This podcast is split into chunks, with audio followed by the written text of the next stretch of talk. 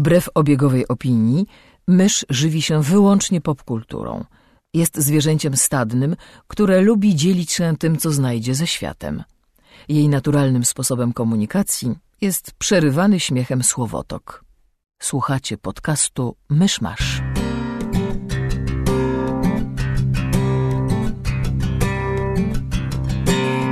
Gospodarzami podcastu Myszmasz są Krzysiek Cera, redaktor portalu Avalon. Kamil Borek ze studia Kobart. i Mysz, autorka bloga Mysza Mówi. Drodzy słuchacze, jest 5 grudnia 2016 roku, Surinamski Dzień Dziecka. Zapraszam do 162 odcinka podcastu Myszmasz. Czym się różni Surinamski Dzień Dziecka od Tego, że jest- Dnia Dziecka? No tego, że w Surinamie? Obchodzą 5 grudnia, a nie 1 czerwca. Ale tak miałem na myśli ideologicznie. Czy jest po prostu trochę smutniejszy? Czemu zakładasz, że ludzie w Surinamie Ja są smutniejsi? Bo jestem europocentrycznym imperialistą. A, no chyba, że tak. A dzisiaj, w dzień, kiedy to nagrywamy, są szóste urodziny niedźwiedzi polarnych w warszawskim zoo i one z tej okazji dostały tort ze śledzi i odśpiewano im 100 lat. Słyszeliśmy w radiu. Tort ze śledzi. To, to dostajesz na szwedzki Dzień Dziecka. Jest dużo newsów w tym tygodniu. Przy czym ostrzegam cię myszu z góry, że większość cię nie zainteresuje. Bo nie wiem, Kamil, czy widziałeś, ale BioWare pokazało e, taki trailer z gameplayem z Andromedy. Obejrzałem. No, to Mass Effect, no. Znaczy, tak, Mass Effect, tylko że to, to jest jakby pierwszy raz, kiedy oni naprawdę pokazali konkretny kawałek tej gry, No tak, bo to, tak. to, to wszystko były e, przerwniki filmowe e, albo inne prerenderowane rzeczy.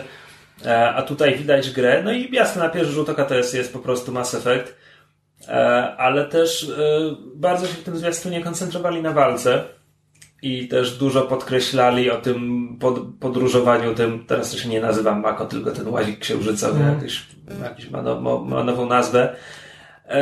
Była też mowa o craftingu, co mnie, ojej, Tak, tak. Wszędzie musi bo, być bo musi być. I, I to jest, to jest teraz, mam takie dziwne, nie wiem jak to ująć, bo ja nie grałem w Dragon Age Inquisition, ale obejrzałem ten filmik i to, co oni tam mówili, to, to mi tak brzmiało, jakby oni przerzucili Mhm. gameplay z Inquisition do Mass Effecta i ja nie wiem, czy to jest dobry pomysł. To nie jest dobry pomysł. Znaczy, to, to się boję, bo jednak Inkwizycja, no to Inkwizycja trochę się zmieniła w takiego MMORPGa dla jednego gracza. W sensie ma, masa fetch questów tylko po to, żeby tam podbić jakąś tam, jakiś tam arbitralny wskaźnik po to, żeby móc wykonywać dalsze misje. To, to, to nie jest gra. To, nie, nie, nie o to powinno chodzić w RPGach. Ja. Myszu, to coś wiesz o Mass Effectie? W sensie, Że- kojarzysz Znaczy, cokolwiek? jedyne co mniej więcej wspominam, znaczy coś mi mignęło na tablerze, to jest chyba Komandor Shepard płci No. obojga oraz to, że się można, można seksić na lewo i prawo bez Tak. względu na płeć. To jest, to, to jest moja wiedza o Mass Effectie. E, Znaczy, ze względem na płeć. E, Znaczy już w Dragon Age Inquisition można było bez względu na płeć, więc być może przyniosło to też do Mass Effecta. E, to znaczy tak, e, Komandor Shepard, czy też pani Komandor Shepard jest, jest głównym bohaterem tego cyklu. E, ogólnie to, jest taka trylogia, to jest taka space opera, bardzo nawiązująca do science fiction z lat 60., 70., wizja takiego galaktycznego społeczeństwa, wielu gatunków, kooperacji, tam wspólne stawianie czoła kosmicznemu zagrożeniu skądś tam gdzieś tam. Star Trek. E, tak. E, tylko ponieważ to robi BioWare, którzy mają jedną i tę samą fabułę do każdej swojej gry, więc jakby e, bardzo idą w, w tę space operę, gdzie jakby główne zagrożenie ze strony pradawnych złych, jakby równie dobrze można by to przekleić do pierwszego lepszego fantazy i nic nie zmieniać i jakby Reaperzy by się świetnie sprawdzili w Dragon Age, to jakby nie, właśnie. E, Natomiast to jest, to jest taki bardzo fajny cykl. Świetnie konstruuje ten świat, bardzo fajnie przedstawia postaci. A mówić teraz o tym wszystkim, bo Andromeda to jest ta teraz kontynuacja, to jest już, nie początek nowego cyklu, nowej trylogii. Y, Jej akcja jest umieszczona kilkaset lat po wydarzeniach z tej trylogii i w innej galaktyce. Więc to jest taki myk, że oni wysyłają te, te statki, arki, które lecą tam kilkaset lat do tej no- nowej galaktyki, więc pasażerowie na pokładzie są w hibernacji. W związku z czym oni tak naprawdę wysyłają te statki chyba jeszcze przed wydarzeniami z oryginalnych Mass Effectów, natomiast sama akcja toczy się już kilkaset lat, kiedy tam dotarli do celu. A teraz mówię Ci o tym wszystkim, bo to jest Andromeda, to jest ta inna galaktyka, ten, odkrywasz ten nowy świat.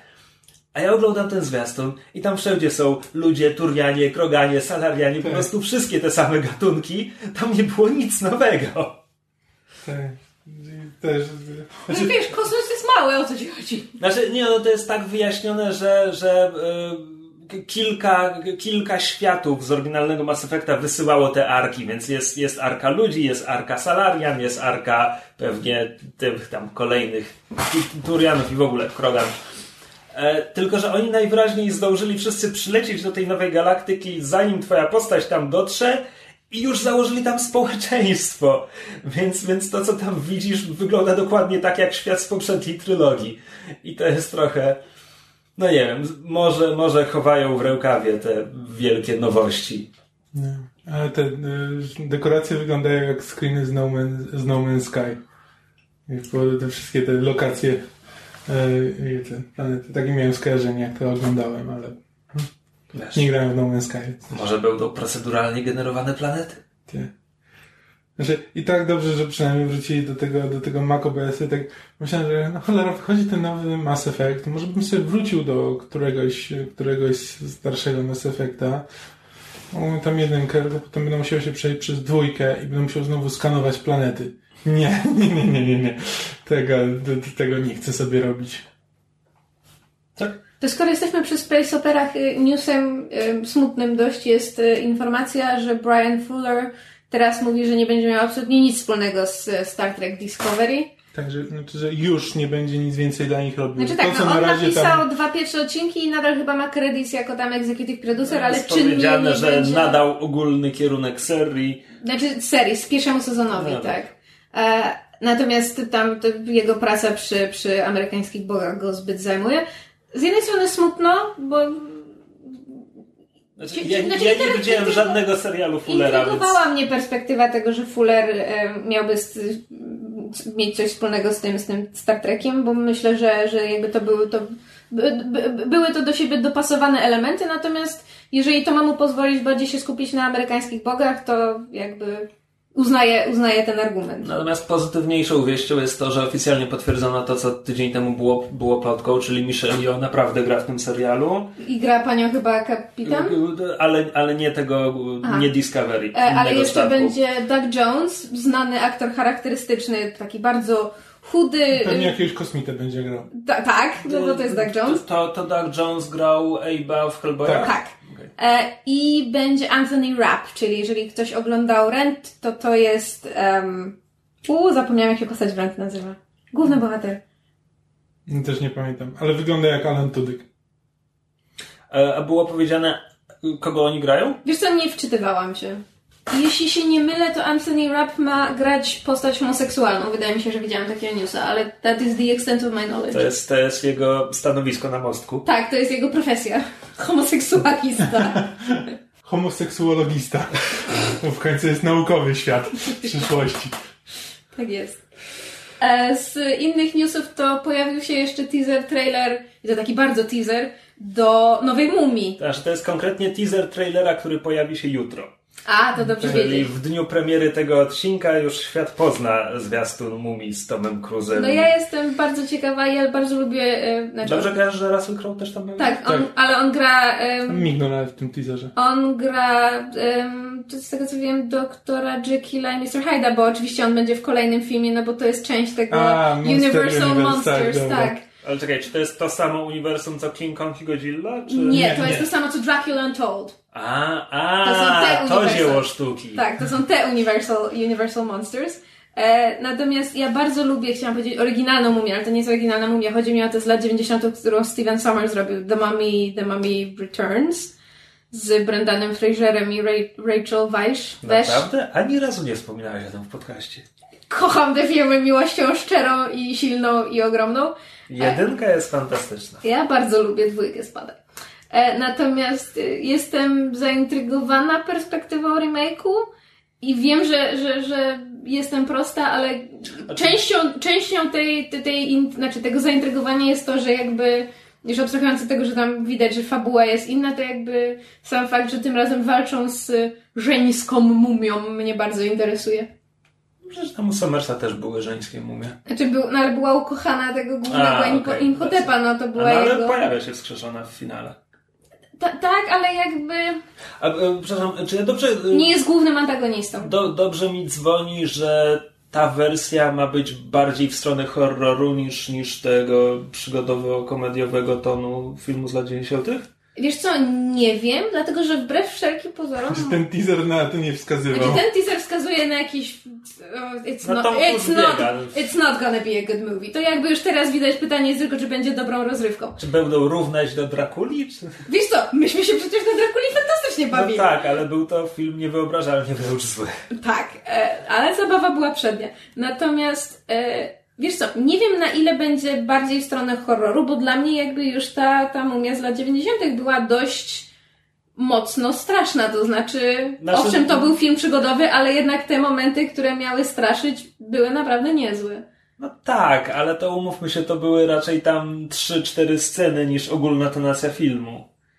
Wiesz co, nie wiem, dlatego że ja pierwsze kilka razy, kiedy oglądałam mumię, się naprawdę bałam, a nie byłam już w wieku najmłodszym, miałam tych lat naście. I do dzisiaj uważam, że to jest film, który właśnie bardzo dobrze operuje taką mieszanką horroru i, i, i kina przygodowego z elementami humoru, ale moim zdaniem nadal jest, jest straszny. Przynajmniej do tego momentu, kiedy oni tego Imhotepa rzeczywiście wypuszczają z tej tam trumny, czy tam sarkofagu, whatever. Jaki aktor grał Imhotepa?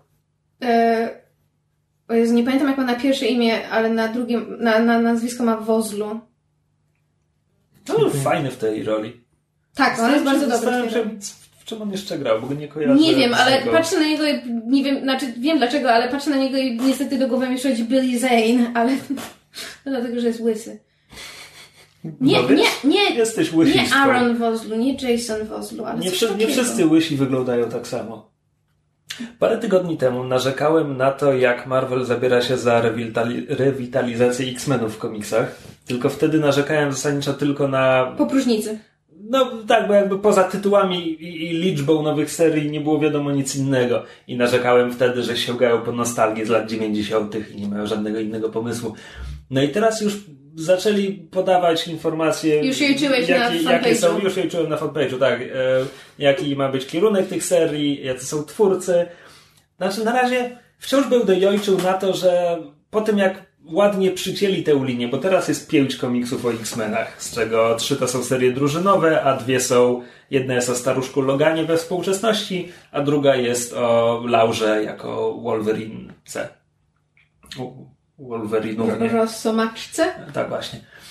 E, I teraz wygląda na to, Marvel zapowiedział 7 nowych serii i wszystko wskazuje na to, że z tych pięciu obecnie się ukazujących e, zamkną tylko te trzy dru- drużynówki. A solówka, staruszka Logana i, i Laury zostaną. To oznacza, że z pięciu przejdą na dziewięć serii, czyli prawie dwa razy więcej. No i już zaczynam niepokoić, ile z tych tytułów to będzie jakaś wata, której jakby nie będzie po co czytać podają, twórców podają ogólne założenia, więc to mają być te dwie jakby główne serie X-Men Blue i X-Men Gold. I X-Men Gold to jest po samym składzie można powiedzieć, że to będzie ta główna seria, bo tam masz najbardziej klasycznych bohaterów, po prostu to, co było popularne 35 lat temu. Tam będzie, okej, staruszek Logan, a nie zwykły Wolverine, Storm, Colossus, Nightcrawler, Shadowcat, e, i bodajże jeszcze Rachel Grey Summers, czyli ta Phoenix z alternatywnej rzeczywistości. To są wszystko postacie, które e, może nie stworzył, ale na pewno ich charaktery stworzył Chris Claremont. E, czyli znowu, cofamy się 35 lat temu. Za jakieś grzechy ta seria dostała się Markowi Guggenheimowi. To jest scenarzysta. On jest prawnikiem, to jest jego podstawowy zawód. Po drugie jest scenarzystą komiksowym i telewizyjnym. Z telewizyjnych rzeczy jest znany z takiego dzieła scenopisarstwa jak Arrow. Właśnie chciałam zapytać, I on już kiedyś pisał X-Menów i to było złe lub bardzo, w najlepszym wypadku żenująco średnie. I on będzie pisał ewidentnie główną serię, bo ta druga seria o X-Menach, X-Men Blue, to będą ci nastolatkowie z przeszłości w teraźniejszości, e, tylko teraz pod opieką Magneto. I to jest jedyny interesujący element. To będzie pisał Cullen Bunn, o którym kiedyś miałem bardzo złe zdanie, bo kiedy zaczynał w Marvelu, to produkował straszne gnioty. Na, na Avalonie funkcjonował kiedyś termin bullshit. Na opisanie jego, jego scenariuszy, ale teraz od paru lat pisze Magneto najpierw jego solowej serii, teraz pisze Uncanny X-Men, gdzie też Magneto gra pierwsze skrzypce i robi to dobrze lub bardzo dobrze, więc akurat z tych dwóch Wyrobił się. z, tak, z, z z Gold i Blue to Blue wygląda ciekawiej. E, trzecia drużynówka to jest Generation X o młodych mutantach, bo tego dawno nie było. I to będzie tak, że będzie nowa szkoła Xaviera, tym razem w Central Parku w Nowym Jorku z jakiegoś powodu, bo powody, gdzie e, uczniów będą dzielić na lepszych i gorszych. Dosłownie w zapowiedzi jest powiedziane, że będzie klasa przyszłych ambasadorów mutantów. Będzie klasa przyszłych X-Men i będą będzie ta trzecia I grupa. Hufflepuff. Chyba o tym samym pomyślałam, to jest takie okrutne. No, więc- no więc Generation X skupi się właśnie na tych Hufflepuffach. Jestem już, jestem już powiedziany, jestem powiedziany skład tej grupy i on też jest rozczarowujący, bo to są wszystko jakby istniejące postacie, będzie tam tylko jedna nowa postać, przynajmniej z zapowiedzi tak wynika. E, No i, i kto jest w Hufflepuffie? e, wiesz co, no Quentin Quire, który istnieje w, od, od nie wiem, 15 lat w komiksach chyba, e, będzie tam iBoy, czyli stworzony przez Jasona Arona mutant, e, który zadebiutował w serii Wolverine and the X-Men. On ma oczy na całym ciele i widzi w różny, widzi różne spektra. Widzi również magię i podczerwień i rentgen i coś tam. E, kto tam jeszcze będzie? Będzie tam Bling. Ja próbuję w wymowie oddać, że w ksywie zawiera się wykrzyknik. To jest ksywa z wykrzyknikiem. Bling! Tak, właśnie. E, To, je, to ona jest, to jest jakaś córka raperów, którzy, którzy jakoś źle ją traktowali i ona jest taką buntowniczą, czarną, biseksualną nastolatką, e, która dotąd była tylko w tle i to jest tak naprawdę, to będzie pierwsza seria, w której ona będzie na pierwszym planie, więc okej, to może być ciekawe. Mm, Na pewno o kimś zapominam, będzie Hindsight, to jest jakaś nowa postać, o nim nic nie wiadomo. Pewnie widzi, widzi przeszłość albo przyszłość. Pewnie, cholera wie. Aha, e, Nature Girl to jest znowu postać stworzona przez Jasona Arona. Ma jelenie poroże i rozmawia ze zwierzętami. Gangrel! I ona nie ma żadnej cechy charakteru. Znaczy, Jason Aaron wprowadził ją w swoich komiksach i ona stała w tle. I więc znowu to będzie pierwszy moment, kiedy będzie na pierwszym planie. Natomiast centralną postacią tej serii będzie e, wampirzyca Jubilee, która jakby była w oryginalnym Generation X, a w ogóle jest jeszcze starszą postacią od, od oryginalnego Generation X. E, I ona będzie się opiekowała tymi Hufflepuffami. Akurat brzmi, znaczy z mojego To punktu znaczy- widzenia lejka brzmi całkiem interesująco. To znaczy, y, to akurat było o tyle ciekawe, że najpierw na CBR-ze, Comic Book Resources, pojawił się ten news, że okej, tę serię będą tworzyli ci ludzie i, i w tej serii będzie taka obsada i był, były wymienione te Hufflepuffy i dopiero, wiesz, godzinę później na IO9 pojawił się porządny news, który mi powiedział, no, no tak, to wszystko co tam, ale Jubilee. Bo jakby, bo w tym pierwszym newsie nie było informacji o tym, że Jubilee będzie centralną postacią. E, no i to kompletnie zmieniło moje wyobrażenie o tej serii i teraz trochę na nią czekam. Natomiast scenarzystka jest wielką niewiadomą, bo to będzie Christina Strain, która jest kolorystką. I ja ją googlałem i googlałem i wychodzi mi, że ona napisała scenariusz do jakichś trzech e, krótkometrażówek, ale nigdy nie pisała komiksu. U, Więc... no tak. No chyba, że moje Google Fu mnie zawiodło. E, co tam jest jeszcze? Będzie seria Weapon X, która za jakiej... Nazywa się Weapon X, bo bohaterowie będą walczyć z Weapon X. Tak naprawdę powinna się nazywać X-Force, bo tam wśród, do bohaterów należą staruszek Logan, znowu, Sabertooth, który magicznym sposobem... Ile razy oni go sklonowali, że on w tych wszystkich seriach może się pojawiać Tak, tak, to akurat Wolverine'owy standard. Będzie Sabertooth, który za dotknięciem magicznej różdżki od trzech lat jest pozytywną postacią. To jest strasznie głupie, ale już trzeba tylko machnąć na to ręką. E, Będzie Deathstrike, to będzie jej chyba debiut po, jako pozytywnej postaci. O, cool. E, Warpath, czyli młodszy brat Thunderbearda, czyli jednego z pierwszych X-Menów, którzy zginęli. E, I o kimś chyba zapominam. E, I to będzie pisał Greg Pak, który kiedyś napisał Planetę Hulka i w ogóle miał bardzo fajny run w Hulku.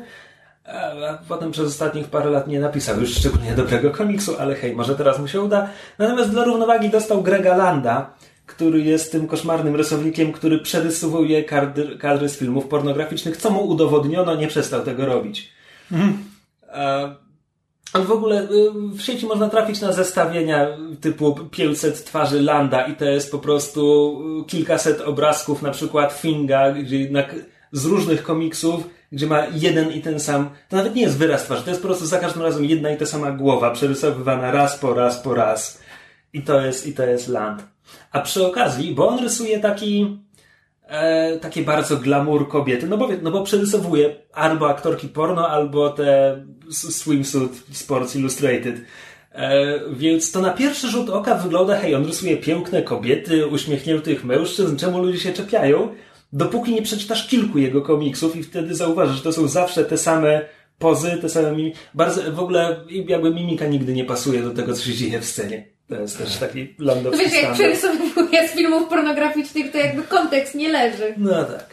No i do tego będą jeszcze trzy nowe solówki. Jedna będzie o nastoletniej Jean Grey, jedna będzie o dorosłym Icemanie e, i tam też podano twórców. To będzie... Icemana pisze ktoś, kogo nie znam i nie wiem, czy to jest znowu jakiś debiutant, czy po prostu za słabo googlałem. E, Jean Grey będzie pisał Dennis Hopeless. E, That builds confidence. To znaczy, jego najgłośniejszym Marvelowym tytułem była Avengers Arena. To była ta zżynka z Battle Royale lub, lub Hunger Games lub Pamiętam. tuzina innych tego typu historii. On przy okazji wymordował parę, parę młodocianych postaci, których trochę osób w internecie lubiło i nabawił sobie tym jakby złej, e, złej sławy. Mm, natomiast e, on pisze mutantów od jakiegoś czasu i wychodzi mu to nie najgorzej. Hmm. Więc to jeszcze nie jest tragiczne. I jeszcze Cable dostanie swoją kolejną solową serię, bo, bo to jest postać, która się kompletnie nie zużyła i naprawdę zasłużyliśmy na kolejny tytuł o Cable'u, e, ale jeszcze nie podano, kto go będzie pisał. No więc jakby to wszystko, to wszystko teraz wypływa i poza Guggenheimem, który jest naprawdę słaby, e, nie ma tam żadnego takiego. Aha, i Landem, który jest koszmarnym pracownikiem. Nie ma tam nazwiska, na które zareagowałbym rany boskie, czemu oni nam to zrobili. Ale z drugiej strony nie było też takiego nazwiska, na które zareagowałbym, tak, to jest właściwy człowiek na właściwym miejscu. Więc nie wiem, może, może będę miło zaskoczony potem. No ale to, to, to wychodzi trochę głupio, bo teraz X-Men jakby dostali nowy status quo i był jakiś pomysł na ten ich ser... były jakieś pomysły na tę ich serię i wygląda na to, że po prostu cała ta epoka to jest, to jest półtora roku i nawet nie wiem, czy ci scenarzyści będą mieli szansę podomykać jakiekolwiek wątki nie zapowiada się na to. Hmm. To tak, to, to było moje 15 minut o mutantach. Kontynuujcie. To jeszcze widziałem trailer e, filmu, o którym wcześniej nie słyszałem. E, to jest e, oryginalny, znaczy Netflix Original. Czyli to nie jest jakby film robiony przez Netflixa od razu, tylko mm, miał mieć premierę kinową ale dystrybutor się wycofał i kupił to Netflix. E, I to jest, e, Iona to określiło jako połączenie Black Hawk Down i Ghostbusters. E, to jest o żołnierzach, którzy walczą z duchami. Znaczy są wysłani gdzieś w jakiś tam odległy region świata na misję i cały, cały oddział jest wyrżnięty przez jakieś, przez jakieś duchy istoty. I tam wzywają eksperta od czegoś, nie wiem, bo trailer nie mówi od czego jest ten ekspert, ale po prostu jest jakimś ekspertem wyzwany przez wojsko, który ma sprawdzić, co się tam właściwie dzieje i, e, i jak oni mają z tym walczyć. I to wychodzi taki, taki, wygląda na taki film akcji y, militarny, tylko że zamiast walczyć z jakimiś tam y, rebeliantami w, w wymyślonym y, Kapranistanie, to po prostu walczą, walczą z duchami. Nazwaliby to FIR i okazałoby się, że to najlepsza ekranizacja gry komputerowej, jaka kiedykolwiek powstała. Prawda? A y, widziałeś kiedyś Dog Soldiers? Bo to był film o żołnierzach walczących z wilkołakami. Właśnie nie, nie widziałem. Ale to jest podobno bardzo dobry film. Tak, słyszałem, nigdy nie widziałem. Bodajże Kevin McKidd tam gra. Może zrobimy sobie pracę domową. Ja mogę obejrzeć. Ja mogę obejrzeć. Spoko. E, Pojawił się też kolejny zwiastun najnowszego dzieła Hideo Kojimy, Death Stranding. A, A nie tak. widziałem tego Jak... jeszcze, widziałem, że się no więc, no więc ja obejrzałem te 4 minuty ja i, i, mogę ci powiedzieć, że w tej grze wystąpi Mess Mikkelsen i to jest wszystko, co mogę ci powiedzieć Nieprawda? o tej grze. Nieprawda? Możemy jeszcze powiedzieć, że wystąpi tam Norman Reedus, chociaż w trailerze się no, nie ale pojawia. to było w poprzednim trailerze. Tak. A to z kolei ja go nie widziałam. No, ale to, to, no, tak samo w, w, poprzednim, w poprzednim trailerze miałeś nagiego Normana Reedusa, który idzie po Hello. plaży, widzi wieloryby i niemowlę sobie wyobraża, albo i nie. No to tutaj masz kogoś w garniturze, kto idzie z być może martwym dzieckiem, które potem zamienia się w dziecko w jakimś zbiorniku, które być może jest bombą, a może nie, i wchodzi do tunelu i tam jest czarna maść i w, do tego tunelu wchodzą też żołnierze. Żołnierzami dowodzi Mads Mikkelsen, który jest pokryty trochę czarną mazią, bo ta czarna maź jest tutaj ważna najwyraźniej. I, I potem się obudziłem. Do... Nie więcej! Znaczy ogólnie chodzi o jakąś maź i jakieś dzieci. Dzieci są motywem A tak, bo, bo jest jeszcze y, popsuta lalka, która płynie w czarnej mazi. A potem otwiera oczy. Tan, tan, tan. I jest Mes Mikkelsen. Dobra. Który ma, te, te czar, ta czarna maść ma jakoś tak dziwnie po twarzy spływa i ja się zastanawiam, co on ma ostatnio jakąś tendencję do wybierania ról, gdzie mu dają dziwny make-up i musi się bardzo intensywnie patrzeć w kamerę, bo tak samo było w tym, w Strange'u. No. I to chyba tyle z newsów. Coś jeszcze mamy? Wszystko, wszystko. Full profeska. Moving on. Co żeśmy widzieli?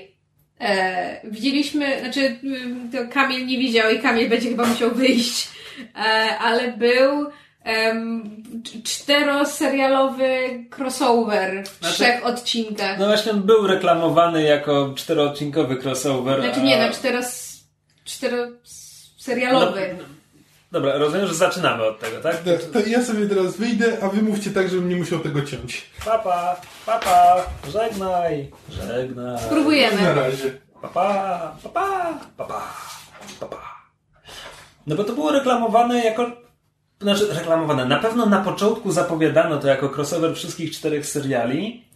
E, I jakby A- a aż, potem- ale a, aż do tego tygodnia, znaczy dobra, producenci wspominali, że no tak naprawdę w Supergirl to mamy tylko wzmiankę o tym crossoverze, no bo to po prostu regularny odcinek Supergirl, który z crossoverem nie miał nic wspólnego poza tym, że kończy się scenką, która potem i tak jest w całości w odcinku Flasha. A, bo ja nawet tego odcinka Supergirl nie No to no więc ja go obejrzałem i tam po prostu z tego crossovera nic No nie ma. tak, Supergirl została... Na, na koń, znaczy tam parę, parę razy, parę razy pojawia się ten portal, ale nic z niego nie wychodzi i na końcu odcinka znowu pojawia się ten portal i wypadają z niego Flash i Cisco i jest ta scena, która była zawarta w odcinku Flasha. Więc naprawdę jakby jeśli ktoś nie oglądał Supergirl i obejrzał teraz ten odcinek tylko po to, no bo, no bo to jest ten tydzień z crossoverem, to mógł tego nie robić. Dobrze, ale może zacznijmy od razu od tego, że jeżeli ktoś nie jest na bieżąco, no to będziemy trochę spoilować. E, no i o co chodzi? W trzech serialach, znaczy mamy ten czteroserialowy crossover, który tak naprawdę ma miejsce w trzech odcinkach. To znaczy mamy odcinek Flasha, Arrowa i Legends of Tomorrow. W takiej kolejności należało je oglądać. No i basically fabuła sprowadza się do tego, że kosmici i podróże w czasie. Znaczy głównie kosmici. Jakby podróże Tak. w czasie tutaj były jako taki epilog tylko po to, żeby legendy zrobiły coś, z czego legendy są znane. Znaczy, ja dawno, bo, bo wiesz, podróże w czasie w, we Flashu to jeszcze pół biedy. Znaczy, tam ta konsekwencja też jest cała rozjechana. Natomiast w Legends of Tomorrow nauczyłam się ją traktować, znaczy po prostu zawiesiłam niewiarę, fizykę i wszystko inne na kołku i nie tam sobie wisi, bo Legends są od tego, żeby bawić, a nie od tego, żeby się zastanawiać, czy to ma sens. Problem polega na tym, że w momencie, kiedy, dla mnie przynajmniej, znaczy, byłam szczerze zdziwiona tym, że najbardziej mi się podobał odcinek Arrowa, bo ja nie lubię Arrowa, ja Arrowa nie oglądam dlatego, że ja nie znoszę Olivera, to znaczy dla mnie Arrow jest absolutnie nieznośnym serialem, dlatego, że, e, że nawet nie Oliver, em, Arrow jako postać jest dla mnie absolutnie nieznośny, bo to jest ten taki naburmuszony męczennik, który, wiesz, cały świat na jego ramionach. Natomiast tutaj odcinek Arrowa podobał mi się najbardziej, dlatego, że tak naprawdę nie oglądaliśmy Arrowa, tylko Oliego, bo to był jakby kosmici ich porywają, no i oni są, prawda, w jakiś tam W Matrixie. tak, w Matrixie i, i jakby Oli jest normalnym człowiekiem i jest szczęśliwy i życie mu się układa. Tak, bo to jest tak, że to, to jeszcze tak się zbiegło, że to był setny, Setny odcinek, odcinek. Arrowa. Więc to był nie tylko tak. crossover, ale również w tym odcinku Arrowowym trzeba było nawiązać do tego, że to jest setny odcinek, więc oni znajdują się w Matrixie, więc pojawiają się postaci, które zmarły nawet w pierwszym sezonie. Tak, dużo guest starów. E, tak, bardzo dużo. Aczkolwiek e, Manu Bennett był za drogi i Deathstroke nigdy nie ściąga maski. Tak, a z kolei Colton Haynes się pojawił tylko jako ten, jako wizja w pewnym momencie, bo też go nie mogli przyciągnąć z powrotem. Ale właśnie to mi się podobało, wiesz, to był odcinek, znaczy fajnie to zaplanowali, że wiesz, mamy we Flashu, pojawiają się ci kosmici, w Legends of Tomorrow z kolei mamy jakby finał tej całej akcji, natomiast Arrow był takim jakby mniejszym, bardziej intymnym odcinkiem, gdzie głównie chodziło o emocje właśnie bohaterów. I, I mi się to podobało, dlatego że dla mnie połączenie kwestii podróży w czasie Barego i ich konsekwencji, czyli Flashpointu, z kwestiami podróży w czasie w Legends of Tomorrow, już kompletnie dla mnie ten cały wszechświat to, to, to Berlanti Universe rozpieprzyło, dlatego że twórcy tak jak nie, nie są konsekwentni w ramach pojedynczych seriali tego, co wolno, a nie wolno z podróżami w czasie i jak to działa i co ma konsekwencje, a co nie, kiedy łączą te dwa, te, te dwa jakby seriale, czyli Legendy i Flasha, to już wszystko się sypie, dlatego że tak naprawdę albo wszystko powinno mieć konsekwencje, konsekwencje albo nic, a rzeczy mają konsekwencje tylko wybiórczo i bohaterowie na nie wybiórczo reagują, w sensie wybiórczo mają pretensje. No tak, ale tutaj wracamy do tego, że przecież pierwszy finał Flasha kończy się tym, że technicznie rzecz biorąc Reverse Flash powinien był zostać wymazany z istnienia kiedykolwiek, a więc wszystko co zrobił powinno być cofnięte, a nie zostało. No bo konsekwencji nie ma, chyba że akurat są, żeby któraś z postaci mogła zrazić do siebie wszystkie inne postaci. Ja to ujmę tak. Nie podoba mi się to, jak zrobili ten crossover. Mhm. Bo mają, mają trzy odcinki, to jest trzy razy 45 minut. Mogli. Znaczy, ja wiem, że z produkcyjnego punktu widzenia to pewnie byłoby bardzo trudne. Ale oni mogli po prostu zrobić yy, ponad dwugodzinny film telewizyjny, który miałby porządną, trójaktową strukturę a zamiast tego mamy odcinek Flasha, w którym wiesz, wszystko skupia się na to, że na tym, że, że wszyscy nie lubią Flasha i, i Flash jest głupi i, ale, ale, ale na tak. koniec odcinka już go lubią, bo tam, bo zrobił jedną rzecz dobrze, więc możemy mu zapomnieć wszystko to, co zrobił źle. Potem mamy ten środkowy akt, który jest e, jubileuszowym odcinkiem Arrowa, więc skupiamy się tylko na jakby na wyciąganiu przeszłości. E, I potem mamy odcinek Legend, który zasadniczo poza tym, że przenieśli się w czasie, to, ta, to on nie bardzo był legendowy. Mm.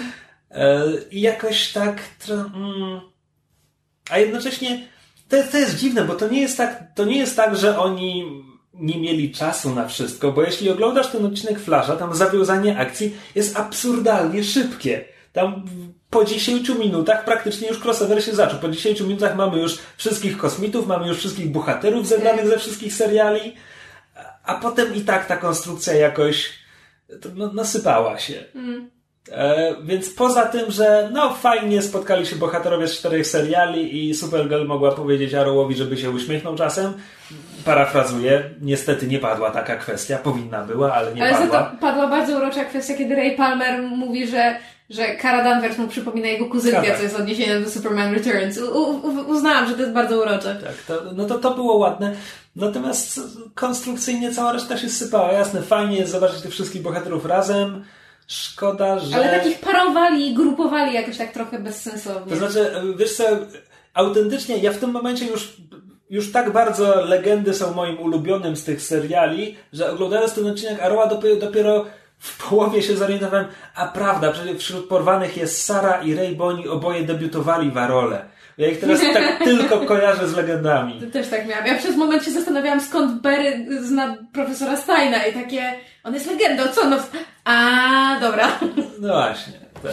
Więc no. e, co chyba pokazuje, że legendy jakby przerosły całe to uniwersum i... Mm znaczy, wiesz co, bo legendy jednak abstrahując od tego, że wszystko trzeba zawiesić na kołku i to jest serial trochę taki jak The Librarians, który po prostu się dobrze bawi. Nie wiem, czy zwróciłaś uwagę na to, w którym momencie Ray Palmer zbudował sobie nowy kombinezon. Tak, po prostu na zasadzie, a patrz, stare elementy, udało się, jej! Ale czy pamiętasz, jak kończył się poprzedni odcinek Legend? Poprzedni odcinek Legend kończył się, że Ray pokazał temu stylowi kostium, który dla niego zbudował, mówiąc hej, mamy teraz całą, całą tę e, materię skarbowatej gwiazdy, którą wynieśliśmy z tego pociągu, więc zbuduję sobie z niej nowy kombinezon, ale najpierw, słuchaj, zbudowałem to dla ciebie strój. Steel patrzy, mówi, u, fajny strój, wchodzi Sara i mówi, hej, nasi koledzy z 2016 nas potrzebują. I potem oni są w 2016 i Palmer ma już nowy strój. Znaczy, wiesz co, ja się tak zaczęłam zastanawiać, bo z kolei w Teraz ostatnio nadganiałam Flasha kilka odcinków, no i tam się pojawił ten nowy, nowy Harrison Wells, który się nazywa HR. Ech, och, straszny. Och, straszny. A, natomiast on, on znaczy, ma ja, ten taki... Ja wciąż liczę, że on się okaże sekretnie zły czy coś, że, że tam coś jest w tej postaci. Let's, let's hope. Znaczy, wiesz co, z drugiej strony ja, Kamil jeszcze nie nadgonił, a ja do niego przyszłam na zasadzie i słuchaj, jak myślisz, jak szybko w świecie Flasha ludzie się zorientują, że jeżeli pojawia się jakaś nowa postać i mniej więcej w tym samym czasie pojawia się nowy przeciwnik, zazwyczaj jest między tym zbieżność, bo po prostu Tom Felton biedny ma taką niewdzięczną rolę w tym momencie i trochę jestem zła na to, że, że został jednak e, w, wepchnięty w rolę tego, prawda, tam złego. Natomiast to, co mi chodziło z tym, z tym HR, no bo on ma teraz ten taki plan, żeby, prawda, przywrócić Star Labs do świetności. I ja dopiero w tym momencie zaczęłam się zastanawiać, Eee, skąd oni biorą na to wszystko pieniądze? Znaczy, bo to, że oni są w, w, w, trakcie jednego odcinka w przeciągu, wiesz, tam, nie wiem, paru godzin wynaleźć jakiś zupełnie nowy, nigdy nie wynaleziony dynks, który jest w stanie uratować dzień, spoko. Ale skąd oni mają materiały na to wszystko i pieniądze? Ja pracuję w Instytucie Naukowym, ja wiem, jak to jest trudne zdobywać fundusze. Ja z kolei się zastanawiałem, bo oni nagle, bo w pewnym momencie Flash ich zabiera do jakiegoś budynku, mówiąc, no bo hej, Star Labs e, ma ten hangar i w zasadzie teraz to ja go mam. I ja myślałem, że oni są na tym jakimś nieczynnym lotnisku, na którym Flash trenował w pierwszym sezonie, a dopiero potem, nie wiem, może nieuważnie oglądałem, ale potem są ujęcia z zewnątrz i oni są w takim wielkim betonowym budynku. Skąd to się wzięło, nie? E, który jest oczywiście kolejnym easter eggiem, bo jego kształt i tak dalej to jest tak zwany Hall of Justice, czyli siedziba Justice League a, e, z kreskówek, bodajże chyba, chyba w tych super przyjaciołach było to po raz pierwszy, a teraz z tych niedawnych to w Young Justice pojawia się taka budowla. I więc jakby więc ten, ten kształt to taka muszla czy coś tam, to, to, jest, to jest bez wątpienia to. E, natomiast no to było takie dziwne. Oni tam. Wolałbym, gdyby to był dwugodzinny film telewizyjny o inwazji z kosmosu i gdyby twórcy nie wpychali, znaczy nie wykorzystywali tego crossovera do rozwiązywania tych wszystkich wątków, które obecnie ciągną w serialach. Mhm. Czyli to, że Cisco jest obrażony na Flasha, albo to, że wszyscy są obrażeni na Flasha. E, jakby... Że Oliver się nie umie uśmiechać. Tak bo, to, bo to zżerało jakby czas ekranowy tutaj i w tym momencie pomysły, które są nawet ciekawe, raz, że to wszystko idzie jakoś tak strasznie po łebkach, dwa, że jak kompletnie czasami nie rozumiałem intencji scenarzystów, bo tam jest taka taki fajny motyw, gdzie już w finale, już w ostatnim odcinku, kiedy Sisko cofa się w czasie z tam z całą tą resztą i ratują tego kosmitę przed złym amerykańskim żołdem. Tak sobie pomyślałem, hej, to jest fajne, jakby to nie kosmici są tutaj, znaczy jasne, kosmici zaatakowali, ale, ale ludzie też potrafią być gorsi. To jest fajna komplikacja.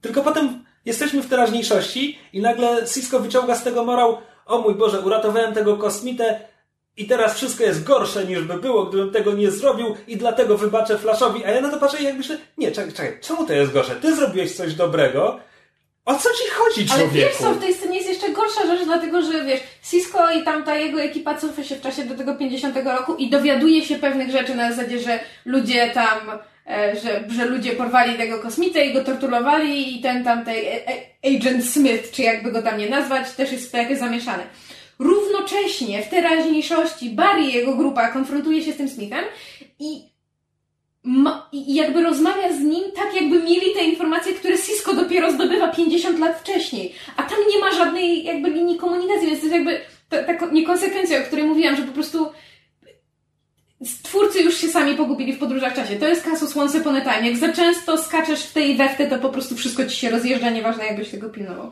Ale właśnie wiesz, zaczęłam, zaczęłam mówić, że jakby abstrahując od tego, że wiesz, nauka i fizyka i jakikolwiek sens w legendach idzie się czesać, ale jednak tam masz tę grupę i, i, i jednak te są odcinki, które się skupiają na, na pojedynczych postaciach, natomiast jednak dynamika jest jakby grupowa, odpowiedzialność jest grupowa, to są legendy, to nie jest pojedyncza postać. A moim zdaniem dlatego Flash i Arrow przestają w pewnym momencie działać, dlatego że właśnie wiesz, Arrow to jest to, że Oli chodzi po mieście i and he's sulking, po prostu wiesz, man pain pod tytułem buchu, jestem taki smutny, cały świat na moich ramionach. I Flash ma dokładnie to samo, tylko że w Flashu masz jeszcze dodatkowo to, że wiesz, prędzej czy później wszyscy będą na parę go źli, dlatego że popełnił błąd. I i w pewnym momencie już to człowieka męczy na zasadzie, że, że właśnie wiesz, masz tę postać, może nie Chrystusową, ale na której się to wszystko skupia i jest takie, no tak, Barry albo Oli znowu zrobili coś nie, niewłaściwego, teraz wszyscy się będą na nich gniewać, a pod koniec odcinka im przejdzie. Zresztą tutaj mi się przypomina odcinek siódmy Flasha, gdzie wiesz, Caitlyn zaczęła się zmieniać w Killer Frost, po czym ludzie jej wybaczyli od tak, bo powody. To jest też tak głupie, że ona jest zła tylko dlatego, moce czynią ją złą. Ale to, jest, to tak, się znikąd wzięło. Ale tak, żeby ona w tym odcinku rozmawia, wiesz, z, z Cisco, na zasadzie Cisco jej mówi, tak, ty jesteś nią, ty będziesz zła. No na takiej samej zasadzie to on powinien być reverbem, dlatego, że ma takie same moce. No nie, no to tak nie działa, no po prostu konsekwencja zerowa, więc wolę już rzeczywiście oglądać, wiesz, Legends of Tomorrow, gdzie oni już mają na wszystko wyjebane i przynajmniej dobrze się bawią. Chociaż to też jest serial z problemami, ale to już przynajmniej, wiesz, nie, nie, nie ma właśnie takiego nie wiem, męczeńskiego rysu. No. Znaczy, bawiłam się całkiem nieźle, obejrzałam to bez jakiejś większej nieprzyjemności. Bardzo jestem szczęśliwa, że, że ten odcinek Aroła mi się tak podobał, bo to jakby, znaczy, to mi pozwoliło dojść do tego, co mi, co mi w Arole przeszkadza i, i dlaczego ja tego serialu nie mogę oglądać. Jak widać, nie jest to kompletnie nie do odratowania. Po, po prostu musiałabym się chyba, wiesz, żeby zacząć oglądać Aroła, musiałabym się jakoś bardziej zacząć szukać w Olim Ale- jakichś ludzkich cech. Czekaj, a ty Aroła ile właściwie widziałaś? Pierwszy odcinek. Tylko. Nie byłam w stanie. A Okej. potem te, te crossoverowe, które były. Drugi sezon Aroła to jest coś, co warto obejrzeć. I z całego serialu to jest jedyne, co warto obejrzeć. Znaczy wiesz co, Tylko, mnie, też drugi procentuje, jak się zna pierwszy, więc to jest mnie problem. najbardziej bawi to, że wiesz, te tam jakieś tam e, urywki e, fabuły, które wiesz, mi wpadają w oczy, czy jak wy rozmawiacie z Kamilem, czy co przy, czytam na, na Tumblerze, czy wiesz, jak tam, ponieważ te światy są w jakiś tam sposób połączone, więc jakieś tam informacje do mnie spływają. Te jakby właśnie, wiesz, rozwój postaci i te drogi emocjonalne, przez które oni przechodzą w Arole, mnie to rusza, nawet jakby z drugiej czy trzeciej ręki, jak wiesz, w tym odcinku Aroła mieliśmy e, Oli miał w pewnym momencie ten flashback wspomnienia a propos Felicity, miałeś taki bardzo szybki skrót tego, przez co przeszła ich relacja. Mnie to bardzo ruszyło, mimo że jakby nie jestem emocjonalnie zaangażowana w ten serial, bo go nie oglądam, ale jakby ja wiem, że Arrow mi się podobał, dlatego że tam jest też bardzo dużo aktorów, których ja lubię, pomijam tam połowę obsady Spartakusa i jakby i, i to, to jest serial, który powinien mi się w teorii podobać, ale po prostu nie jestem w stanie Olego Męczennika znieść. Jak, jak on jest, wiesz, jak on jest wesoły, jak on jest szczęśliwy, jest spoko. Natomiast jak jestem, wiesz, stojącym w kącie, naburmuszonym macho z man pain, to po prostu mam ochotę cisnąć czymś o ścianę. No i tym optymistycznym akcentem myślę, że Tak, kończymy. chyba, chyba trzeba zawezwać. Kamiś! Trzeba, trzeba uruchomić to rytmicznie uderzające o piasek e, urządzenie, które przyzywa Szajhuluda, którego przejście oczyszcza świat. A co? Szajhulud? Czer czerwie pustynne. Duna. Nope. Nie? Nope. Więc przyjście, że Amy ma zagrać. Barbie? Tak, dzisiaj to zobaczyłam and I still can't A fucking wiesz, że believe ludzie it. zdążyli się już zacząć oburzać? Oczywiście, że tak. Bo- Bo jest za tłusta Bo jest pewnie. za tłusta. Oczywiście, że tak. Musimy bronić kanonu Barbie. Barbie kanonicznie ma być chuda, bo zawsze to było ucieleśnienie, wiesz, tych tradycyjnych amerykańskich Tak, wartości. oni, a oni nie zauważyli, że w ciągu ostatniego, ostatnich paru lat wyszła nowa seria Barbie, która jest właśnie more inclusive i oni właśnie zmieniają swój wizerunek. Tak, nie, nikt nie to... zauważył tego, że tak właściwie jedzie się po Barbie od początku, kiedy powstała, że promuje bardzo krzywdzący y, ten wzór kobiecego piękna. Nie! Też ewidentnie ekranizacja e, Barbie to powinna być animacja poklatkowa. Właśnie, W jedyny sposób. To ma być coś, po, powiedzieli, że to ma być coś w rodzaju zaczarowanej. No właśnie bo Barbie takie było się moje. Barbie y, tak jakby zostaje wydalona z, ze świata Barbie. Wydalona. Wyda- bo nie pasuje do, in, do, do innych tych ide, idealnych, idealnych ludzi i dostaje się do naszego świata. I Że- ja jestem zainteresowana, chcę zobaczyć. Wood, Wood Watch? Znak zapytania? Woodwatch. Wood Watch. Woodwatch. Dobrze. Um, How much would, would a would watch watch? back to our regularly scheduled programming. Dobra? Trudne zdanie. Nie. Wytniecie mnie. Nie. Wytniecie. Wytniemy cię. Megu Ninja. Nikt mnie nie widział. e, dobrze, myśmy z Kamilem e, byli wczoraj w kinie. Oj tak. Aha, Niestety. wyście byli na Underworldzie, tak? Oh god. Tak. That was a mistake. Przecież ty lubisz Underworldy. Więc wyobraź sobie, jak źle było. Wow. Tak. Um, Znaczy już pierwszy nie był dobry, a dalej było tylko gorzej. pierwszy, pierwszy jest w, w konwencji spokój, jest to było coś, co ktoś obejrzał Matrixa i Blade'a i pomyślał, hej, ja też tak potrafię. Ale nie potrafi. No i cicho. Pierwszy jest spoko. Um, dwójka jest średnia, ja trójkę bardzo lubię, wcale nie jest dobra, czwórka była... Nie, eh. przepraszam, ktoś obejrzał Matrixa i Blade'a i jeszcze wycinki z wywiadu z wampirem. E, Przysypiając. natomiast y, ta piąta część, czyli Underworld Blood Wars, A, poczekaj, dla, dla słuchaczy nieobeznanych z tematem, bo ja widziałem tylko pierwsze dwa filmy i potem się gubię, więc o, za- my, myśmy, zaczyna- myśmy zaczyna się od- specjalnie googlali, Dobra, się więc za, zaczyna, seria zaczyna się od tego, że są wampiry i wilkołaki i one się biją i Kate Beckinsale jest wampirzycą. I się biją. Kate Beckinsale jest szafiarką śmierci. Przepraszam, szafarką śmierci. Okej. Kamil wczoraj Ale- przeczytał źle napisy. Szafiarka śmierci. Pasuje mi to. E, w drugim e, filmie pojawia się hybryda, która jest jedno, już pierwszym debiutuje? Znaczy tak, bo w pierwszym to jest tak, że jest wojna wilkołaków z wampirami tocząca się od stuleci. Celine grana przez Kate Beckinsale jest właśnie tam szafarką śmierci, czyli takim wampirzem asesynem. I w to wplątuje się niejaki Michael, człowiek, który się okazuje, że jego rodzina jest w jakiś tam... Ma wilkołacze geny i zostaje zamieniony w wampira i, I staje się jest pierwszą hybrydą. To jest coś ala pamiętniki wampirów, Dobra. znamy ten motyw. I on, I on i Kate się w sobie zakochują i potem drugi film to są zasadniczo walki o niego, plus w drugim filmie przebudzają jeszcze Charlesa Dansa? Nie, właśnie nie. Bill Nie, Nye. Charles Bill Dance się Nye. pojawia teraz w Dobra, piątce. Bill Nye jest tym starożytnym wampirem w Znaczy, dwójce. Charles się nie pojawił też w czwórce, bo ja tak zrozumiałem z tych Chyba, flashbacków. chyba na moment tak, Jako ale ja ojciec nie, tego, tego, nie, tamtego. Ale potem jest trzeci film i trz- to trójka była prequelem, tak? Tak, trójka jest prequelem, w którym Martin... czasach średniowiecza? bo Nie, nie Martin Sheen. Michael Sheen się zakochuje w, e, w wampirzycy, która jest z kolei córką Nye Okej, z dwójki. Ale, ale dobrze I stąd kojarzę, się wzięła ta wojna. dobrze, że, dobrze kojarzę, że trójka jest jakieś tysiąc lat wcześniej biją się na miecze, Tak, prawda? 1500 biją się na miecze i to dlatego, że tam wilkołaki były agresywnymi stworzeniami, w związku z tym wampiry ich e, zamienili w niewolników i wykorzystywali do swoich celów, potem e, wilkołaki się buntują, rewolucja, wojna na stulecia, bla bla bla. A w tym jeszcze Romeo i Julia. To o, czym, to o czym właściwie jest czwórka? Bo ja chyba przegapiłem istnienie tego filmu. Te. Mysz w tym momencie podciąga rękawy. Let me tell you all about it. Um, czwórka polega na tym, że przeskakujemy 12 lat w przyszłość, kiedy... teraźniejszości. E, znaczy nie, jesteśmy w teraźniejszości i przeskakujemy No tak. 12 lat do przodu jakby w, em, w przyszłość, em, gdzie em, świat się dowiedział o istnieniu wampirów i wilkołaków i je wybił praktycznie, to jest, na- znaczy wiesz, są, są close to ex- extinction. I dowiadujemy się, że Celine em, była przez te 12 lat uwięziona przez jakąś tajną firmę w krwiośpiączce i potem się dowiadujemy, że... Tak jak w filmie Dracula 2000. E, I potem się dowiadujemy, że Michael, ten jej ukochany hybryda, też był uwięziony i ona próbuje go uwolnić, bo ma jakieś wizje, widzi coś czyimiś oczyma i myśli, że to jest Michael, próbuje go ratować. Potem się okazuje, że to jest jakaś mała dziewczynka. Okazuje się, że Celine nie wiedziała, że zanim ją złapali i zamrozili, to była w ciąży z dzieckiem Michaela, w związku z tym pojawia się w mitologii świata ich córka Eve, która jest pierwszą naturalną hybrydą, naturalnie urodzoną. W związku z tym potem zaczynają ścigać Eve i Celine. E, I w to się potem wmieszowuje e, Theo James, em, aktor taki, e, który gra postać Davida i jego ojciec, którego właśnie gra Charles Dance, to też tam jakieś wampiry, Ale oni są te- wampirami, tak? tak, jakoś tam pomagają Celine. Oczywiście też tam są te wilkołaki, no bo wszyscy chcą tę Eve, tę te hybrydę złapać i wykorzystać do swoich celów. Jakby jej krew ma być, wiesz, lekiem na wszystko i tak dalej. Znaczy w sensie lekiem na likantropię i na, na, na wampiryzm. E, a potem w piątce te motywy są kon- kontynuowane, to znaczy Dobra, jakby... zanim przejdziemy do piątki, czy Bill Nye jeszcze się potem pojawiał w tej serii, czy on ginie w Nie, on, dwójce? on ginie w dwójce. Okej. Jakby już definitywnie.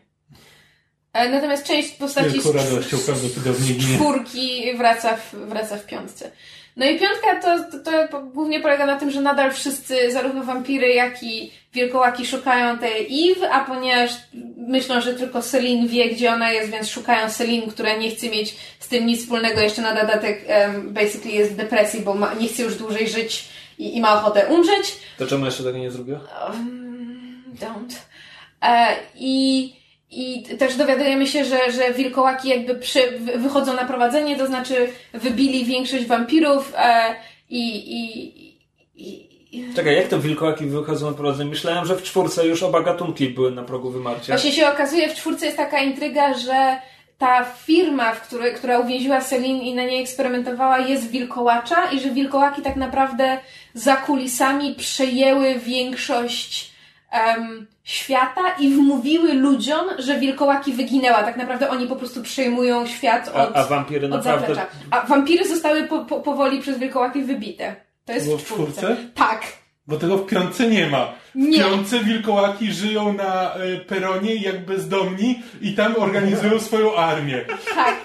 Żeby było śmieszniej, organizuje ją Blackfish z Gry o Tron. Tak. Charles Dance nie jest jedynym aktorem z Gry o Tron, który się tam pojawia. Nie, piątka ma tak totalnie w dupie cokolwiek, co się wydarzyło do tej pory. Znaczy, intrygi tam są wzięte z sufitu. Jest tam ta Irene Adler z Sherlocka BBC, czyli O. Lara Pulver, która w ogóle knuje jakieś straszne intrygi. Jej bezmyślnego przydupasa gra Bradley James, czyli król Art- Arthur z Merlina BBC. Coś strasznie poszli w stronę brytyjskich aktorów.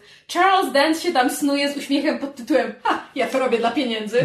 Tak. I, nie, on się tam snuje z, z uśmiechem takim, jakby wiedział, że w jednej trzeciej filmu ginie i nie musi już dalej Tak. grać. A z kolei reszta aktorów ma miny pod tytułem właśnie, wiesz, zamknij oczy i myśl o Anglii, ktoś musi zapłacić za rachunki. Fabuła jest w ogóle pretekstowa. Po, znikąd się pojawia jakaś po prostu, wiesz, osobna gałąź wampirów, którzy mieszkają na dalekiej północy i oczywiście wszyscy są albinosami, mają białe włosy, a jeszcze na dodatek To nie, bo to się okazuje, że to są jakieś- nieumarłe wampiry. To są wampiry, które umarły i się odrodziły. Więc to są podwójnie martwe Tak, bo tam jest jakiś wampiry. element mistyczny pod tytułem, że, że one Tak, umierają świat świętości. i tak, i mają, zyskują dostęp do świata świętości. Ania Flasza Szydlik z bloga Świat ten, świętości, wymów to szybko pięć razy. z, z bloga Ćma Książkowa, z, z którą byliśmy na tym w kinie, się śmiała, że y, jedyną rozrywką w tym filmie jest wypatrywanie, jakiego klanu są dane wampiry, w związku z tym się śmiała, że to są kapadocjanie. I po prostu, no, o Chryste, no... Ten film jest tak zły i tak bardzo nijaki i niepotrzebny, że ja nawet nie mam siły być na niego zła, bo, bo wiesz, bo zły film, na który jesteś zły, że jest zły, zdołał cię przynajmniej w jakiś sposób poruszyć. To znaczy, zdołał cię zaangażować na tyle, że jesteś na niego zły, że jest zły. Okej, Ten czyli- film w ogóle cię nie obchodzi. Czyli porównując Underworld Piątka do innego wiekopomnego dzieła w kinematografii wampirzej, czyli Dracula Untold, coś tam, coś Gorszy. tam. Dracula Untold przynajmniej jest śmieszny. Masz Znaczy, możliwość rzucać Dracula komentarze. Untold jest pojedynczą jakby historią, tam coś ten... y, Coś styka. tak, Underworld 5 po prostu zaczyna się tam mniej więcej, gdzie się kończył czwarty film. No, Ale ale mają- się, że ignoruje Ale ma go w dupie, A tak. tak, ale ma go w dupie, a, ale nie no, ale tam jakieś wątki się, wątki się snują przez ten film, które tam są pozostałością po poprzednich filmach. Kończy się podbudówką pod sequel, więc tak naprawdę nie ma żadnego sensownego zakończenia. A jeszcze oczywiście piątka na, na początku ma szybki skrót fabuły pod tytułem Co się wydarzyło do tej pory. I jeżeli musisz mieć film serii, który ci musi przypomnieć, co się wydarzyło do tej pory, to już wiesz, że, że, że, że nie powinieneś w ogóle się za to brać. No i och, A tak jeszcze nakręcone jest po prostu na tak źle jakby Zatem w ogóle przy pierwszej scenie, kiedy Charles Dance rozmawia z tą y, z Ireną Adler, e, to po prostu no masz Charles Dance sobie stoi Irena Adler stoi naprzeciwko niego i kamera po prostu, Charles Dance mówi zdanie i wtedy kamera jest na nim, potem kamera się przechodzi na Irenę Adler, ona mówi zdanie i tak, i po prostu tak przeskakuje między jednym a drugim, kiedy oni sobie mówią zdania. Tam nie ma żadnego, żadnego montażu, tam nie ma ten, potem gdzieś dopiero wychodzą z pokoju i idą gdzieś i przynajmniej, wiesz, ta rozmowa toczy się przynajmniej w jakiejś zmieniającej się scenerii, ale po prostu to, to jest tak, Znaczy, wiesz, to jest film napisany i wyreżyserowany przez jakichś biednych, Bogu ducha winnych, niedoświadczonych studentów szkoły filmowej z łapanki, bo po prostu innego argumentu nie widzę, bo to jest po prostu... Wiesz, to nie jest znaczy moim zdaniem to nie jest źle, dlatego że ktoś się nie postarał, chociaż moim zdaniem akurat producenci i firma, która wyprodukowała miała głęboko w dupie, jaki będzie efekt końcowy. Ale po prostu to jest zrobione przez ludzi, którzy nie wiedzą, co robią, po prostu nie umieją lepiej, bo nie są jeszcze na tyle wyedukowani. Znaczy ja, to, to, to są informacje, które ja biorę z głowy, bo zapomniałam sprawdzić, czy ci ludzie coś wcześniej zrobili, ale szczerze wątpię, żeby to było cokolwiek dobrego. No po prostu... Autentycznie, dawno nie miałam poczucia, że zmarnowałam wieczór w kinie. Jedyne dobre, co z tego wyniosłam, to żelki, które kupiliśmy w kinie. nie, po prostu autentycznie, jeden na dziesięć najgorszy film roku dla mnie. Which is saying a lot, biorąc pod uwagę, że mieliśmy w tym roku Suicide Squad. Ale to, to ciekawe, bo to, bo to już zaczyna trochę brzmieć jak Uwe Boll. Nie wiem, nie wiem ile film, filmów tego mistrza znacie. Ja widziałam Blood Rain. Ja przecierpiałem tylko przez Dungeon Siege, które miało fantastyczną obsadę. Było takim, wiesz, epickim fantazji, ludzie się biją na miecze. To jakby podstawowo te bazowe założenia to jest coś, co ja lubię, ale to było zagrane, tfu, napisane i nakręcone tak koszmarnie nijako. To był po prostu film śmiertelnie nudny i zły, ale nie był w zły w żaden ciekawy sposób. Tak. Więc to To jest to jest ten To, był- to był jedyny film, który oglądałem i zacząłem przewijać bitwy, żeby już tylko szybciej dojść do, do końca, bo tam na- naprawdę na niczym nie było zawiesić oka. Znaczy tam, Dodajmy, dodajmy, że tam. E, o mój Boże, Jason Statham gra głównego bohatera, który jest farmerem i nazywa się Farmer. Główny bohater nazywa się Farmer, ale tak naprawdę jest dziedzicem króla, ale nazywa się Farmer. I wszyscy do niego mówią per Farmer. I jest tam Ron Perlman, i jest tam e, John Rice Davis, i po prostu świetna obsada, która nie ma nic do roboty.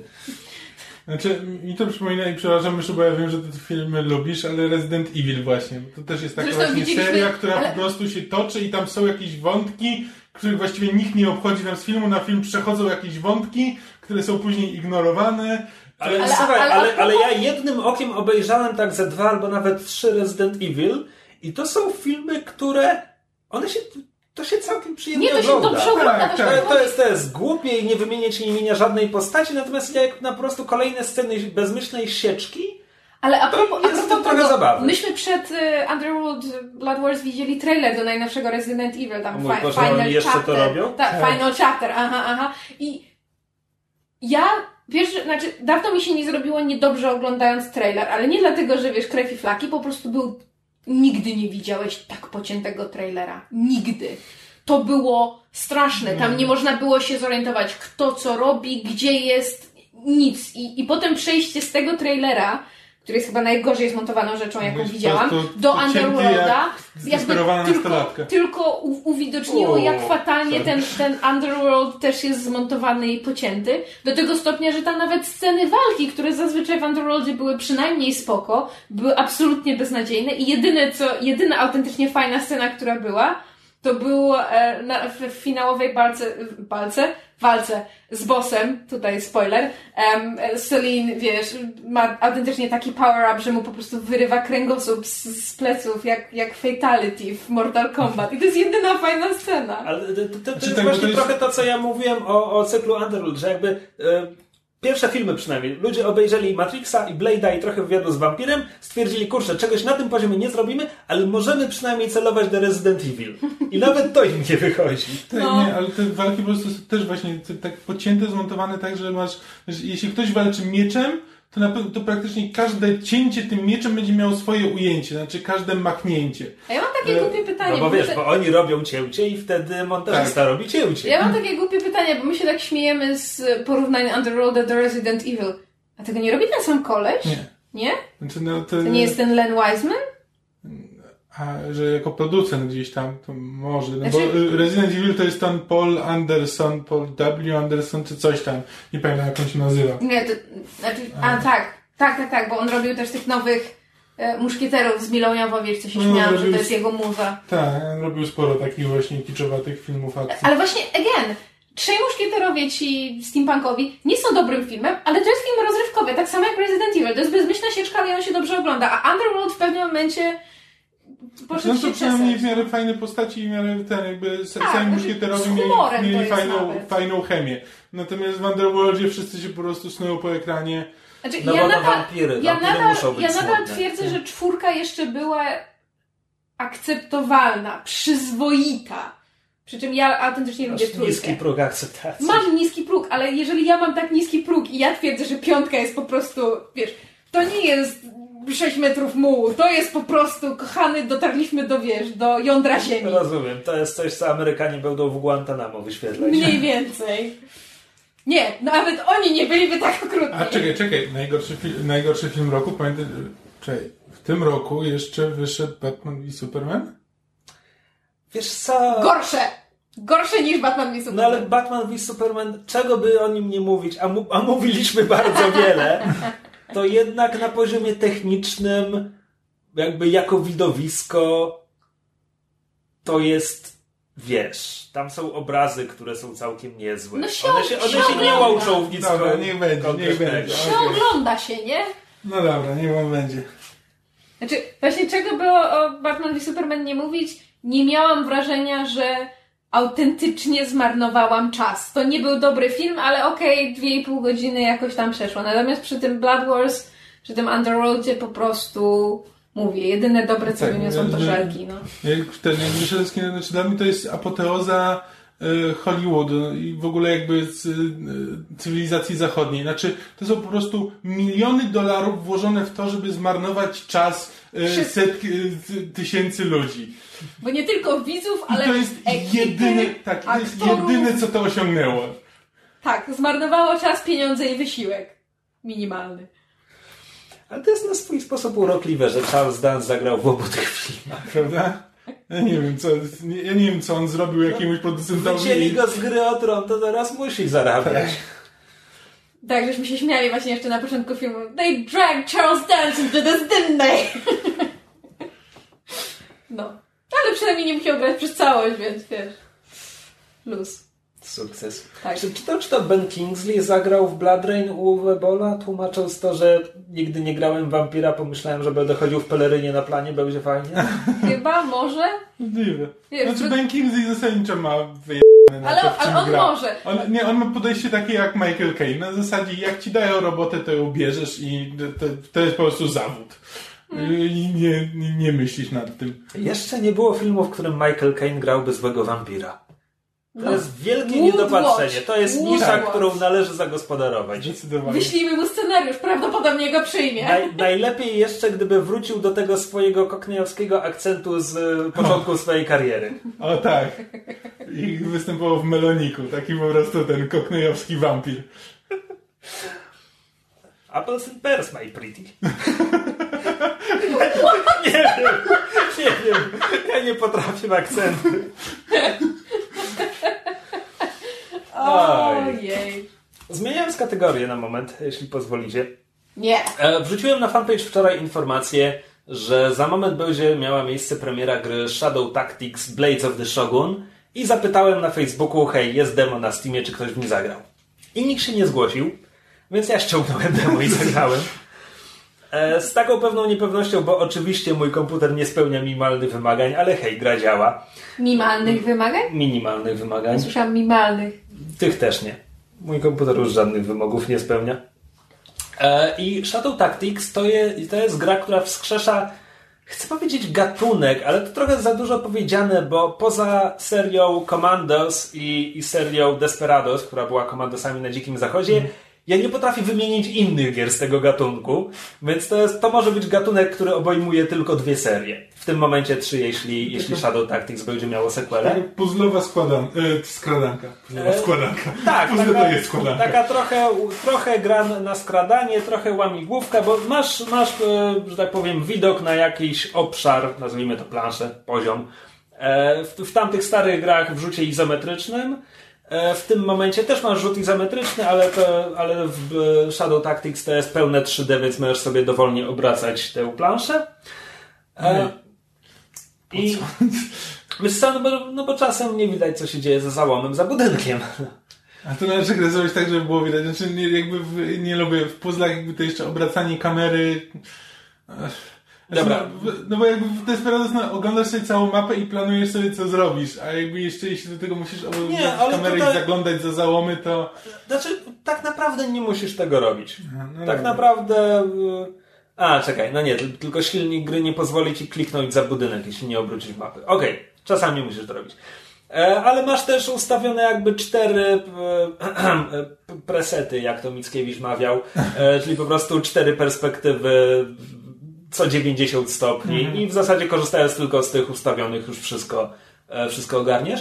I chodzi o to, że kontrolujesz e, oddział, który składa się, no w wypadku Commandos to była seria sprzed, wow, 20 lat chyba, e, w której kontrolowałeś kilku komandosów w czasie II wojny światowej, którzy przekradali się przez jakieś nazistowskie instalacje, ponieważ ich było tylko tam, nie wiem, pięciu czy sześciu, a tych hitlerowców cała masa, więc musieli się skradać, musieli eliminować e, strażników po cichu, musieli chować się po krzakach, kiedy akurat przechodził patrol. I, to każdy były- miał jakąś swoją unikalną tak, umiejętność. był, był tam snajper, był komandos, co tam nożem mógł podrzynać gardła, był tam chyba szpieg, co mógł się przebierać za niemieckiego oficera. Każdy coś potrafił i jakby korzystając z tych unikalnych umiejętności trzeba było, wiesz, obejrzeć planszę, zaplanować jakieś działanie, po drodze coś popsuć, improwizować, żeby, żeby to naprawić Tam i tak dalej. gra działa się jakby w czasie rzeczywistym, że to nie jest jakby Tak. tak, turowo, I- że i- możesz i- zaplanować, tylko musisz jeszcze to zaplanować sterować i potem wykonać i przełączać się między tymi postaciami tak, żeby e, to... I nawet, nawet, nawet nie tylko nie masz tam pau, nie masz tam e, tur, nie masz tam również e, pauzy aktywnej, więc to musisz, no trzeba szybko klikać. Potem była seria Desperados, która była chyba innego studia, Tak, tak, ale tak. ewidentnie zainspirowana Komandos, bo to po prostu byli komandosi tylko na dzikim zachodzie. Jacyś tam banditos, którzy coś robili. Szczerze mówiąc, nawet nie grałem w demo w Komandosów, przynajmniej grałem w demo, więc mogę się wypowiadać.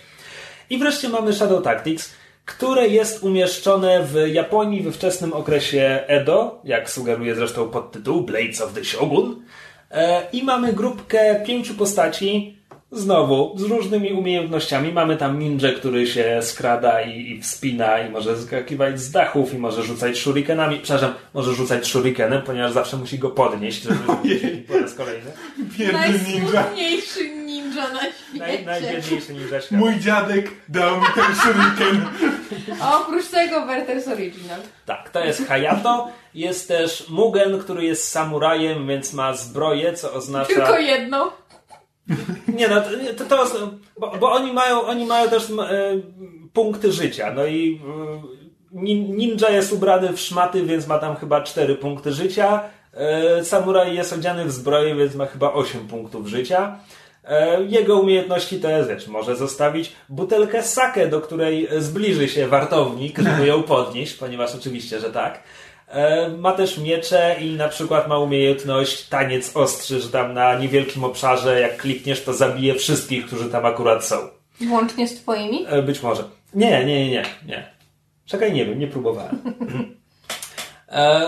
I są też jeszcze trzy inne postaci. Ja na razie, ja nawet nie przeszedłem jeszcze tego dema, więc nawet nie wiem, czy te dodatkowe trzy postaci będą w demie. Tam jest bodajże jakaś e, mała dziewczynka złodziej, więc ona pewnie się skrada i może zostawiać pułapki. Jest e, gejsza, która chyba może zwabiać strażników i chyba ma jakieś przebranie. Może You know that sound is audible and it sounds very weird without context.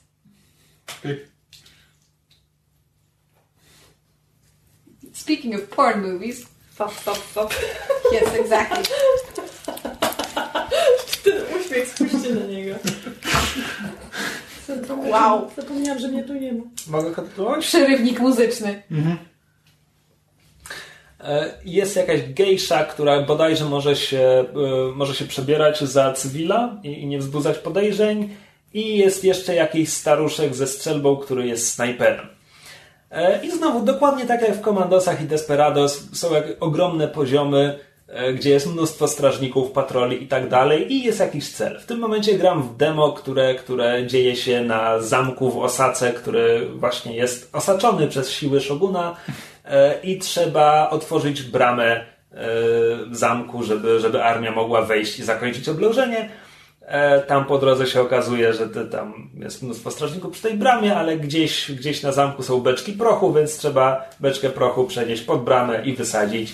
I korzystając z tych umiejętności wszystkich tych naszych ludzi, znaczy w tym momencie mam tych dwóch, co wspomniałem na początku, e, przechodzimy, eliminujemy tych, tych e, strażników, albo po prostu się przekradamy.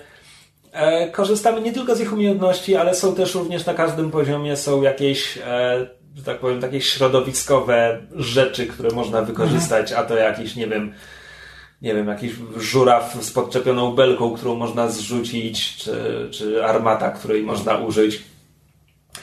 I tak, e, muszę powiedzieć, że ten gatunek jakoś nigdy, ja wolę gry turowe. Albo gdybym chociaż tam miał aktywną pauzę.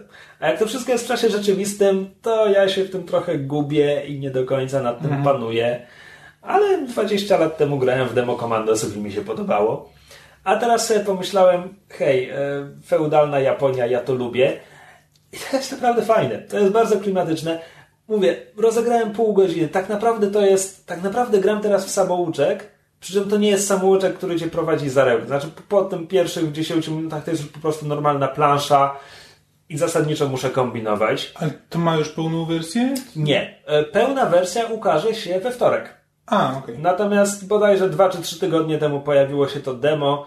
E, Demo zawiera, chyba zawiera dwa poziomy, ale znowu nie wiem. E, natomiast czy, tak naprawdę poza tym, że nikt nie odpowiedział na Facebooku, e, to przeczytałem recenzję na Rock Paper Shotgun, która była niewiarygodnie wręcz pozytywna i to ona mnie zachęciła. E, I właśnie stamtąd, stamtąd wiem większość rzeczy o grze. Więc wiem, że kampania składa się z 13 poziomów i teraz już widzę sam ten samouczek, widzę, że, że to jest dużo gry. W sensie w recenzji gość napisał bodajże, że, że to jest gra na 25 godzin. E, możesz saveować w dowolnym momencie, będziesz saveował w dowolnym momencie. To jest gra na quick save i okej, jeśli teraz wyskoczę z krzaczka, to czy wtedy mnie zastrzelą, czy zdążę przebiec do następnego krzaczka. E, ale jest w tym, jest w tym dużo uroku. Plansze są bardzo ładne, bo tak to jest pełne 3D, ale dość stylizowane. W sensie to nie wygląda. Tak, bo ja widziałem mnóstwo średniowiecznych japońskich zamków, ale to nie, to nie wygląda jak zdjęcie zamku, to wygląda bardziej jak rysunek zamku przerobiony na 3D. E, wygląda bardzo ładnie.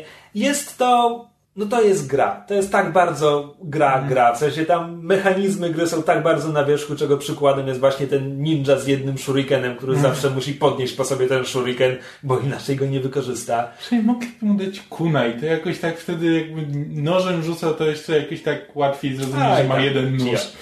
E, To, to, te mechanizmy gry widać również w tym, jak podzieleni są strażnicy, bo są normalni strażnicy z gołymi głowami i łatwo odwrócić ich uwagę, bo oni są biedni i nawet ich nie stać na kapelusz.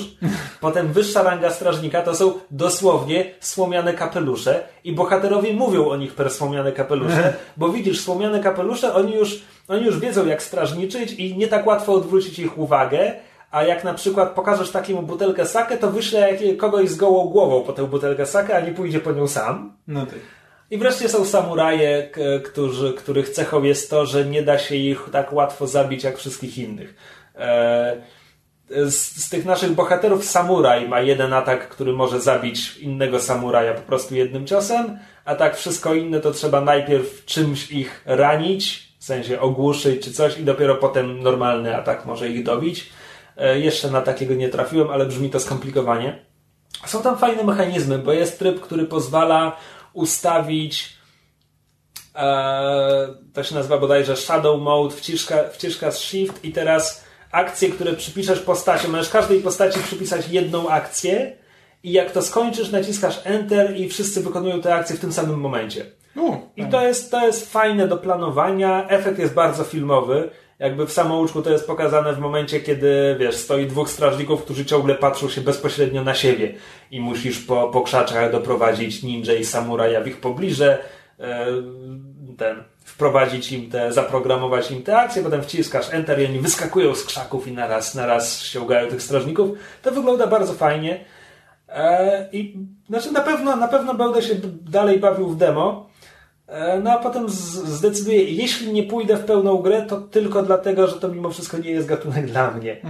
Ale w ramach tego mikrego gatunku to jest bardzo dobra gra. To tyle mogę powiedzieć. Także polecam przynajmniej, żeby zapoznać się z demem.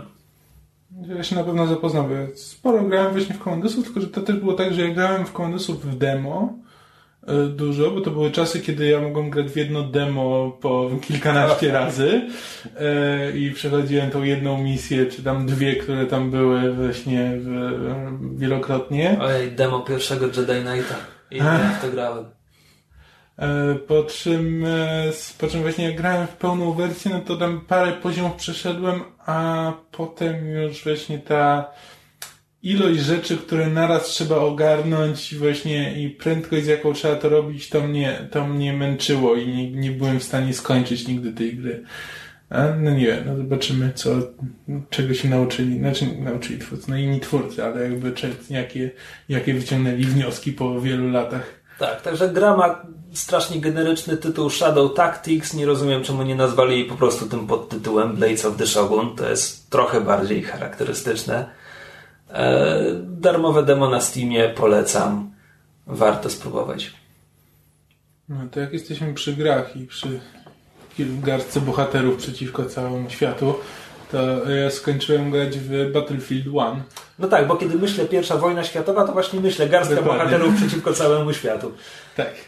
E, no i właśnie. I e, może tak, zacznę, zacznę od zalet.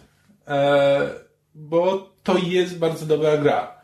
Znaczy jest e, bardzo fajnie jakby wyreżyserowana i z, ma fajne mechanizmy. E, w ogóle jakby historię, no, i jakby mówię tutaj tylko o kampanii. Nie grałem w ogóle w multiplayera. Grałem tylko kampanię, która tam się nazywa War Stories. Jakby składa się po prostu z pięciu historii. Każda z nich to jest jakby inny front wojny i e, każda z nich opowiada o innym bohaterze, e, znaczy o innej tam, postaci. E, I, I te historie są naprawdę tak fajnie napisane. To nie są bardzo odkrywcze historie. To nie jest nic, czego byś nie widział jakby w filmach. Znaczy, to, to jest jakby standard dla tego typu gier, gdzie jakby czerpią po prostu z filmów, z gier z, jakby z popkultury i po prostu przekładają to na gry. Wiem, wiem o historii angielskiego czołgisty na froncie zachodnim i wiem bodajże o jakiejś Beduince, co jeździ z Lawrence'em z Arabii? Tak. A jakie są trzy pozostałe? Jest lotnik, to znaczy tam... Australijski lotnik. Nie, nie, nie. Australijski nie? jest runner. Czekaj. Lotnik to jest e, Amerykanin, który wykrada e, brytyjski samolot i lata nim e, podczas wojny. Ale co, przeciwko Brytyjczykom? Czy... Nie, po prostu jakby podszywa się pod kogoś, e, nie, nie, podszy, podszywa A, się po prostu pod e, brytyjskiego oficera i, e, i lata ten. Okej. Okay. To kim jest Australijczyk? Australijczyk jest runnerem, jakby po prostu takim kurier, tak, posłańcem wojennym, znaczy, tak, zwiadowcą, zwiadowcą, posłańcem. I zasadniczo jego kampania polega na tym, że mówię, biegasz przez pole bitwy w tej z powrotem i unikasz, unikasz wrogów okay. albo wyżynasz I wrogów. I gdzie on, gdzie on walczy? E, on walczy gdzieś w, Austro-Węgry. Okej, okay. a czekaj, a... Nie, czekaj, o, o to, nie, e, Imperium Otomańskie. Okej, okay. policja. A amerykański lotnik gdzie lata? Amerykański lotnik, wiesz co, nie, gdzieś... Front zachodni? Znaczy gdzieś Europa, nie pamiętam. Okay. I piąta historia? Um, o cholera, czekaj, nie pamiętam, nie podpowiadaj. Ale kompletnie zapomniałem, jaka jest piąta historia. Może jakiś snajper. Brakuje mi tu jakiegoś snajpera. Nie. Boże. No to widzę, że zapadają w pamięć. E, nie, kompletnie wyleciało mi, wyleciało mi z pamięci. Okej, okay, bo zmierzałem do tego, że mamy wojnę o pierwszej, tfu, mamy grę o pierwszej wojnie światowej.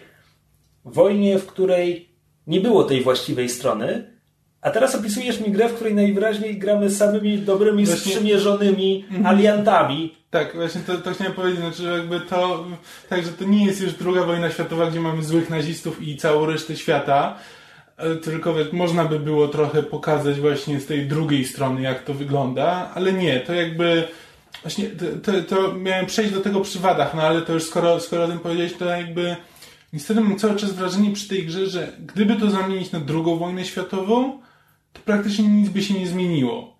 Znaczy, to nie mam wrażenia, znaczy wiesz, broń jest, znaczy broń jest inna, owszem, ale głównie w wyglądzie. Czekaj, a, a jest inna? Bo w Zero Punctuation się nabijał, że i tak wszyscy dostają karabiny maszynowe.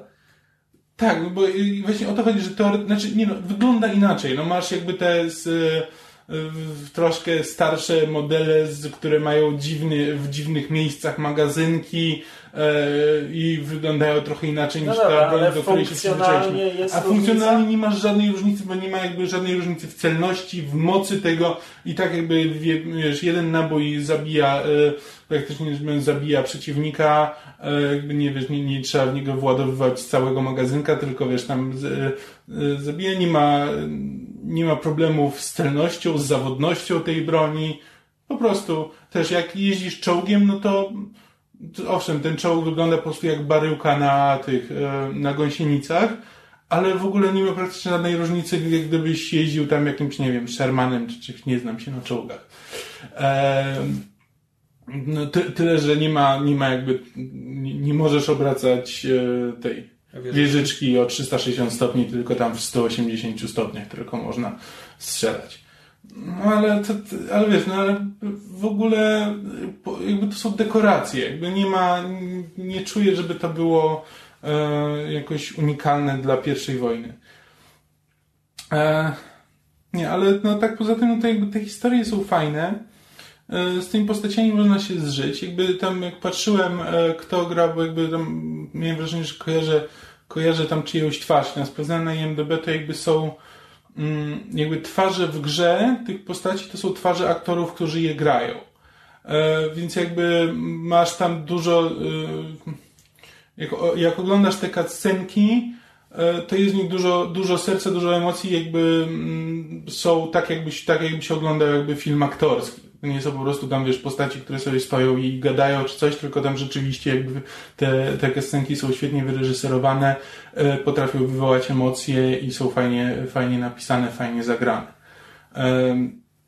No, tylko, że jeszcze dochodzi kwestia tego, co jest pomiędzy.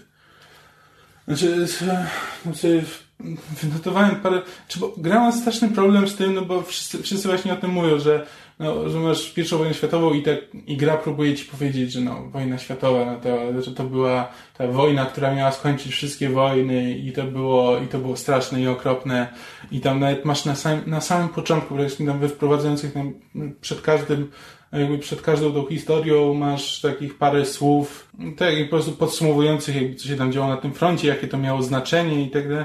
I tam w pewnym momencie tam padają słowa o całej wojnie jako takiej, że it was no adventure, że to nie była przygoda.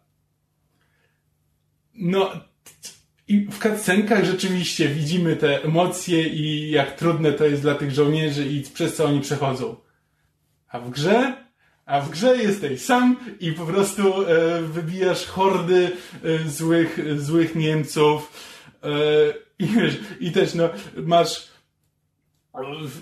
koszmar wojny, masz uwierzyć koszmar wojny, ale jak przycupniesz sobie za kamieniem na 30 sekund, to wszystkie te, to pięć strzałów z ciężkiego karabinu, który przyjąłeś, puf, wyparuje nagle.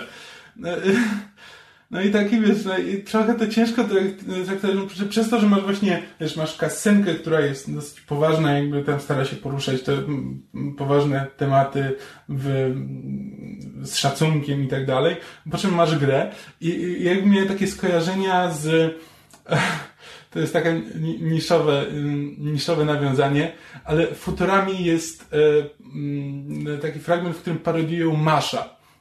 E, jest e, robot iHawk, który jest parodią Hawkeye'a z, z Masha, który ma po prostu przełącz, przełącznik e, pomiędzy prześmiewczy i ckliwy. I po prostu ma prześmiewczy i rzuca żartami, po czym przełącza na ckliwy. Wojna jest koszmarem. I to jest mniej więcej tak, tak się czujesz tą grę, po prostu no, grasz chwilę i wybijasz, jej! I teraz patrz, tam lecą! Zaraz mnie uratują. O nie, tu ginę! A potem, a potem się włącza kascenka i wszyscy są smutni i rozmawiają o tym, ile to ludzi stracili na tej wojnie. I, i też, no, Masz e, taki ładny, e, e, to też jakby sporo się o tym mówiło, te, te sekwencja otwierająca, która jakby jest, pokazuje ci jakby pole bitwy i tam zaczynasz grając tam jednym żołnierzem i w momencie, kiedy zginiesz, to pojawia się na ekranie nazwisko tego żołnierza i jakby data urodzenia i data śmierci. To chyba Paweł z Kasią mówili o tym w jednym z ostatnich odcinków Zombie vs. Zwierz, prawda? Oni mieli tam cały tak, odcinek tak. poświęcony między innymi Battlefield -hmm. 1. Tak, i, i, i w momencie śmierci tego to y, przenosi cię do kogoś innego na tym polu bitwy i, i nim grasz przez chwilę i potem on umiera i przenosi cię kogoś innego i to ma właśnie... A e... możesz przejść tę sekwencję nie ginąc ani razu? Nie. Nie, nie da się. Um, i potem i na, i na koniec się kończy bardzo ckliwym, e, bardzo ckliwą scenką, w której nam dwóch żołnierzy nam celuje do siebie, ale potem patrzą na chwilę i opuszczają broń, bo widzą bezsens tego, co robią. Idą haratać w gałę. Znaczy, a, a, a poza tym są chyba jedynymi pozostałymi przy życiu na polu bitwy, w związku z tym, że w związku z tym wiedzą, że jak uciekną, to nikt na nich nie doniesie.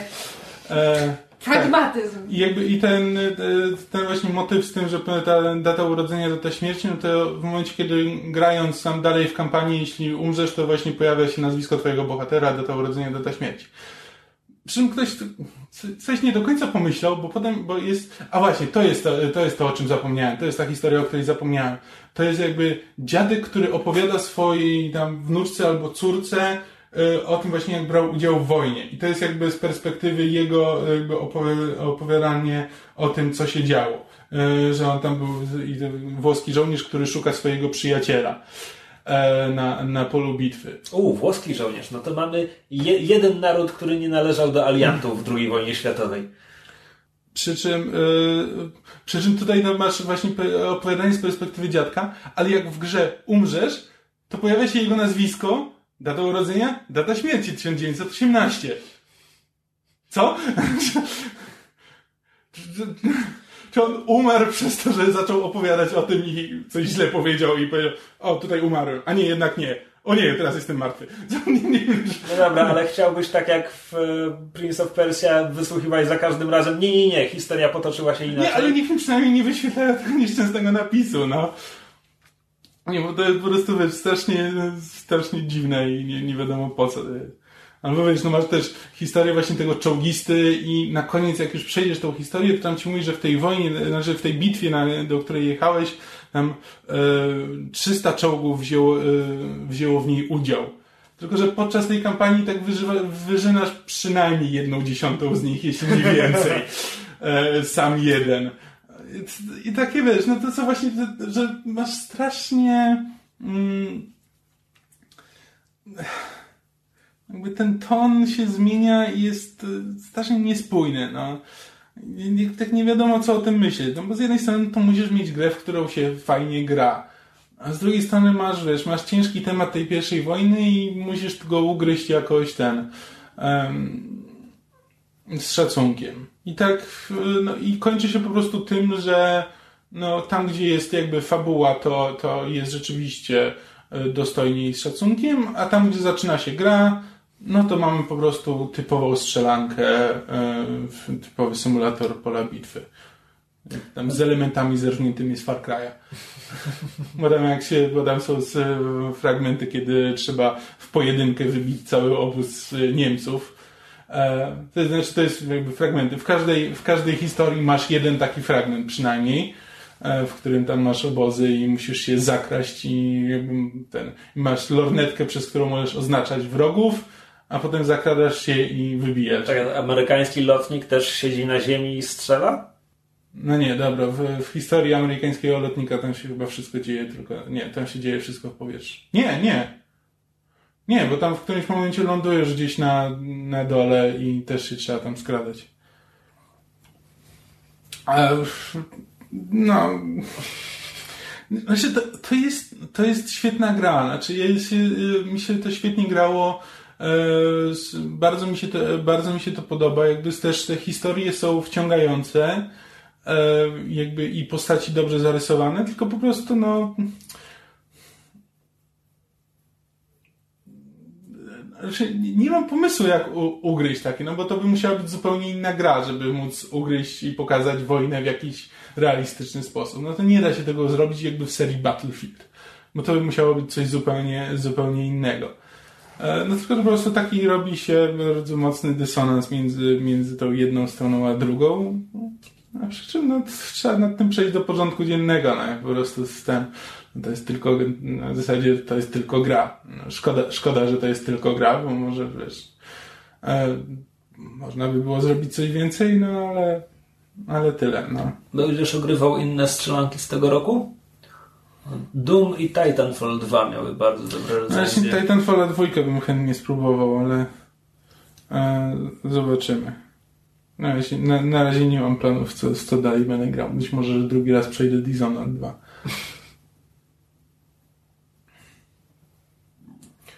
E, jeszcze na koniec została nam książka. Znaczy, no tylko ten, na razie wspomniałem, bo zaczęliśmy czytać e, dostaliśmy kopię od wydawnictwa SQN i zaczęliśmy czytać m, przez stany podświadomości Kuby Ćwieka. Kuby Ćwieka zresztą znanego z tego podcastu między innymi.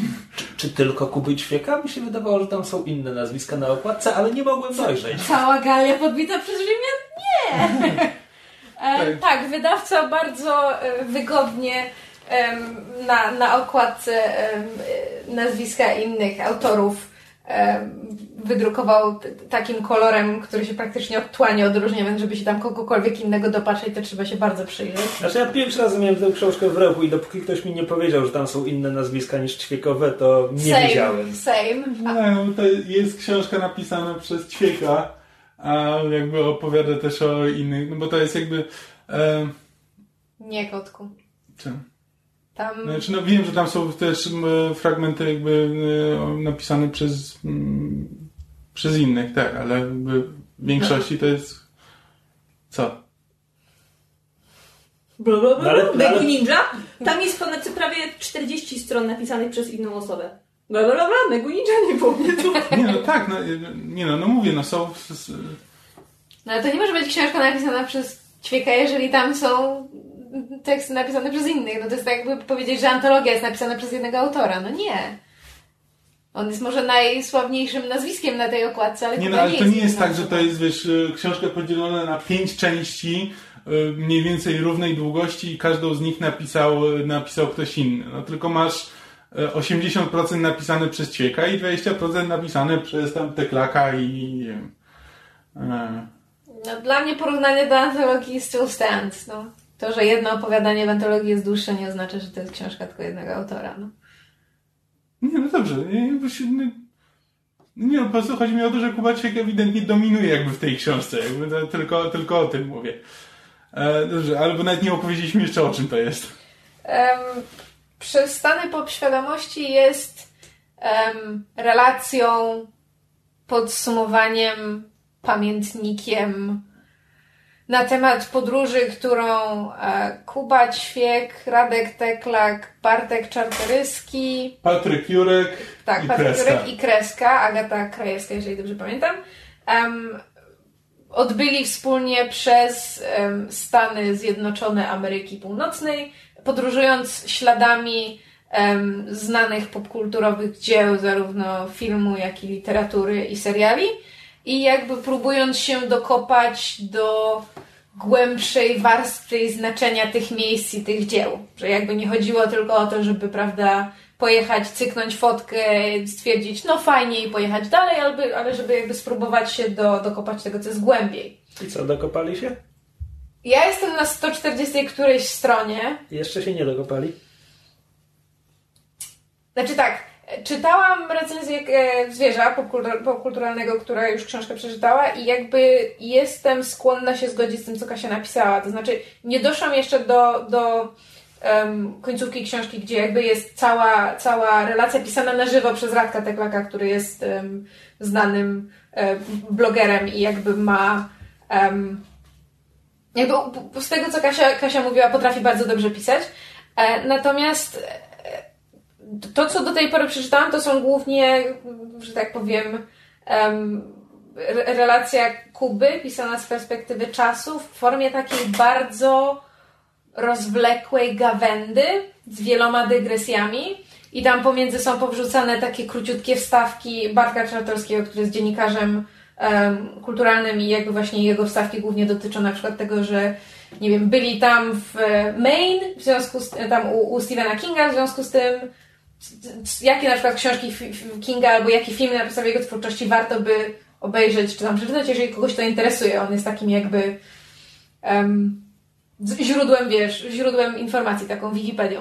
Natomiast to, co Kuba pisze, i ja to mówię z całą moją naprawdę szczerą sympatią do Kuby jako człowieka, natomiast z latami zmniejszającą, zmniejszającą się sympatią do Kuby jako autora, jest to strasznie przegadane i strasznie rozwlekłe i tak jak rozumiem pomysł, żeby to skonstruować jako gawędę, tak to nie działa, bo w wypadku Kuby tego typu historie działają, kiedy on ci opowiada właśnie w formie gawędy, bo on jest, wiesz, on jest żywy, on jest ten animated, wiesz, jest taki energiczny, ci to opowiada, wtedy jak wtrąca te dygresje, to to ma sens, widzisz mimikę, jakby angażujesz się w to. Kuba jest całkiem przyzwoitym gawędziarzem, czego by o nim nie mówić jako autorze, natomiast w formie pisemnej mi się strasznie nasuwa porównanie do Dana Browna, to znaczy jakby czytając Teraz przez temu dojechałaś. nie, znaczy Kuba akurat uznałby to za komplement, bo czego by nie mówić z kolei o Danie Brownie, Bra, Brownie to on potrafi pisać książki, które się em, szybko czyta. Znaczy w sensie one są skonstruowane w taki sposób, są bardzo krótkie rozdziały, zazwyczaj z cliffhangerami i zmieniającymi się punktami widzenia. Nie używa jest, trudnych słów. tak, że to jest na, na zasadzie, to jest książka z gatunku jeszcze tylko jedną stronę, jeszcze tylko jeden rozdział i w ten sposób kończysz czytać całą książkę, dlatego jakby z, tak, tak dobrze się sprzedają i czego by nie mówić o jakby e, wartości treści, szybko się to czyta i, i sprawiają jakąś tam rozrywkę. No czytałam wszystkie Browny, więc coś tam na ten temat wiem. Rzeczywiście się to szybko pochłania. I u Kuby mam wrażenie jest to skonstruowane bardzo podobnie. To znaczy właśnie ta taka gawenda pełna dygresji na zasadzie bo żeśmy, bo, e, bo, bo chciałbym wam coś powiedzieć o tam księżniczkach Disneya, ale to nie teraz, bo teraz coś tam. I o tym wam opowiem potem. I to jest takie, wiesz, rzucanie takich haczyków, które w normalnej dyskusji działają, no bo jest na zasadzie, ej Kuba, a pamiętasz, miałeś nam jeszcze powiedzieć o tych tam księżniczkach, a rzeczywiście, to teraz wam opowiem. Natomiast w formie literackiej to jest suchy, wykalkulowany schemat, żeby cię zmusić do tego, żebyś czytał dalej. Mniej lub bardziej skuteczny, zależy od, zale, zależnie od tego, jak to kogoś interesuje i angażuje. I, i niestety, jeżeli wziąć pod uwagę, czym miała być ta podróż, trudno mi ocenić, na ile w ich wypadku się sprawdziła i rzeczywiście do, dopieli swego, swego celu, żeby się dokopać tych głębszych warstw. Z punktu widzenia relacji, które napisał Kuba i tych stawek Bartka Czartoryskiego, w tym nie ma żadnej treści. To znaczy, dla kogoś, kto się interesuje popkulturą i prawdopodobnie by sięgnął po taką książkę, w tym nie ma żadnej dodatkowej treści i w tych tam 140 iluś stronach, które do tej pory przeczytałam, w ogóle tak naprawdę nie ma zagłębiania się w te, w te głębsze warstwy. Jakby Kuba to niby otwarcie przyznaje i to ma niby w jakiś sposób ich usprawiedliwić, but it doesn't. Bo jakby ale co otwarcie przyznaje, że no miało zasadzie, być głębokie, a nie jest? Tak, na zasadzie, że no bo ja, ja, ja tak jechaliśmy tam z takim zamysłem, żeby wy, wy, wy, wygrzebać te głębsze warstwy, ale nam się nie udało, bo w gruncie rzeczy to, to przez większość czasu właśnie jechaliśmy na miejsce, cykaliśmy sobie fotki i jechaliśmy dalej. I to, że on to przyznaje, jakby nie usprawiedliwia tego, że, że nie znaleźli tych głębszych treści, bo jeżeli on to pisał z perspektywy czasu, w przeciwieństwie do Rachta Teglaka, który jakby pisał to na bieżąco, na żywo, znaczy w sensie wtedy. Kuba to pisze z perspektywy czasu, więc miał czas i miał perspektywę, żeby te głębie odnaleźć. I okej, okay, może to będzie gdzieś tam wprowadzone dalej, na zasadzie, że musieli przejechać ileś tam tych stanów i obejrzeć ileś miejsc, żeby tę treść tam, tej treści się dokopać. But it doesn't look good. A, przepraszam, bo jeszcze jakiś czas temu powiedziałaś, że, że przeczytałeś recenzję zwierza i się z nią zgadzasz i nie powiedziałeś, z czym się zgadzasz. Właśnie tym, że jakby część Kuby jest przegadana i pusta, natomiast... A część klaka? Jeszcze do niej nie doszłam, ale jeżeli ta część ale co recenzji... piszesz, wiesz, jeśli się z nią zgadzasz? No, że w sensie, że właśnie Radek pisał bardziej zwięźle to the point, e, ponieważ pisał na, na, na bieżąco, to jakby ma zupełnie, zupełnie inny ciężar, zupełnie inaczej się to czyta, jakby nie ma tego, tej właśnie takiej rozwlekłości, tego lania wody i jakoś jest to bardziej... Ty, słuchaj, to prawie tak, jakby trzytygodniowy urlop był materiałem na artykuł, a nie na książkę. No mniej więcej, no. Znaczy, hmm. Znaczy nie, bo ja właśnie nie do końca się o tyle zgadzam, że ja mam jakby inną perspektywę, bo ja lubię czytać e, właśnie tego typu gawędy, jakby lubię czytać e, nie spostrzeżenia ludzi. Znaczy, to jest tak, nie chcę porównywać, bo jakby Okej, okay, e, o co mi chodzi? E, no. Czy, czytając, czytając tę książkę, mam skojarzenia niejakościowe z, jo, y, z Joe'em Ronsonem y, którego jakby uwielbiam czytać. Znaczy to są jakby Joe Ronson y, to jest tam autor na przykład tam Psychopath Test czy Them, The Adventures with Extremists. On pisze takie reportaże, znaczy on jest dziennikarzem, który, tylko że to on, a, i on też jest autorem ludzi, którzy patrzą na kozy on jakby, on pisze jakby coś zupełnie innego, bo to są jakby takie właśnie reportaże, trochę też gawędy. Ale na konkretny temat. Na konkretny temat, tak, że na przykład właśnie, że on postanawia w tym, znaczy yy, tam ostatnie, co, co jego czytałem, to są właśnie to Adventures with Extremists i że on yy, po prostu spędzi trochę czasu z różnymi, różnej maści ekstremistami, tam religijnymi, yy, głównie tam z Ku Klux Klanem, z różnymi tam mm, E, ugrupowaniami myślę, że paraterrorystycznymi. Myślę, że Megu by się ta książka spodobała, bo ona lubi takie tematy. Nie, i sekty. Tak. E, I on ma właśnie taki styl, że po prostu jakby opowiada o tym, co, co robił w tym czasie, że jak to, jak to wyglądało, e, o czym rozmawiał, co wtedy miał w głowie, kiedy właśnie rozmawiał z tą osobą. Jakby przy czym on jest dziennikarzem, on jakby właśnie wyciąga te głębie. No nie wiem, jak to tam wygląda jeszcze u Kuby, do, dopiero, dopiero co zacząłem, tam jestem koło, w okolicach, nie wiem, setnej strony. E, Więc tam jeszcze, jeszcze się wstrzymuje przed tym, no jakby Ronson wie po co tam jedzie, wie jakby z, co, co robi, jak wyciągnąć te głębie i o czym są jego książki. No, ale właśnie... Ja, no bo porównujesz kogoś, kto A jest dziennikarzem, B bierze na temat ekstremistów, psychopatów, więc jakby okej, okay, niech to będzie Gawełda, ale to jest Gawełda o czymś niezwykłym, no a to co mówicie o ćwieku to jest trochę tak jakby ciocia wam slajdy z wycieczki pokazywała. Tak, to, to jest trochę jak taka notka blogowa. Znaczy na przykład, powiesz, bo Kamil mówi, że on lubi Gawędę. Mnie się tę książkę całkiem spoko czyta, ale może dlatego, że ja znam Kubę, bo częściowo znam resztę, resztę tych osób i jakby bardzo wiele rzeczy, które Kuba z, z tego opowiada, zwłaszcza rzeczy, które dotyczą jakby um, jak doszło do tego wyjazdu, czyli rzeczy jakby jeszcze wcześniejsze, mnie o tyle cieszą, że ja byłam ich świadkiem.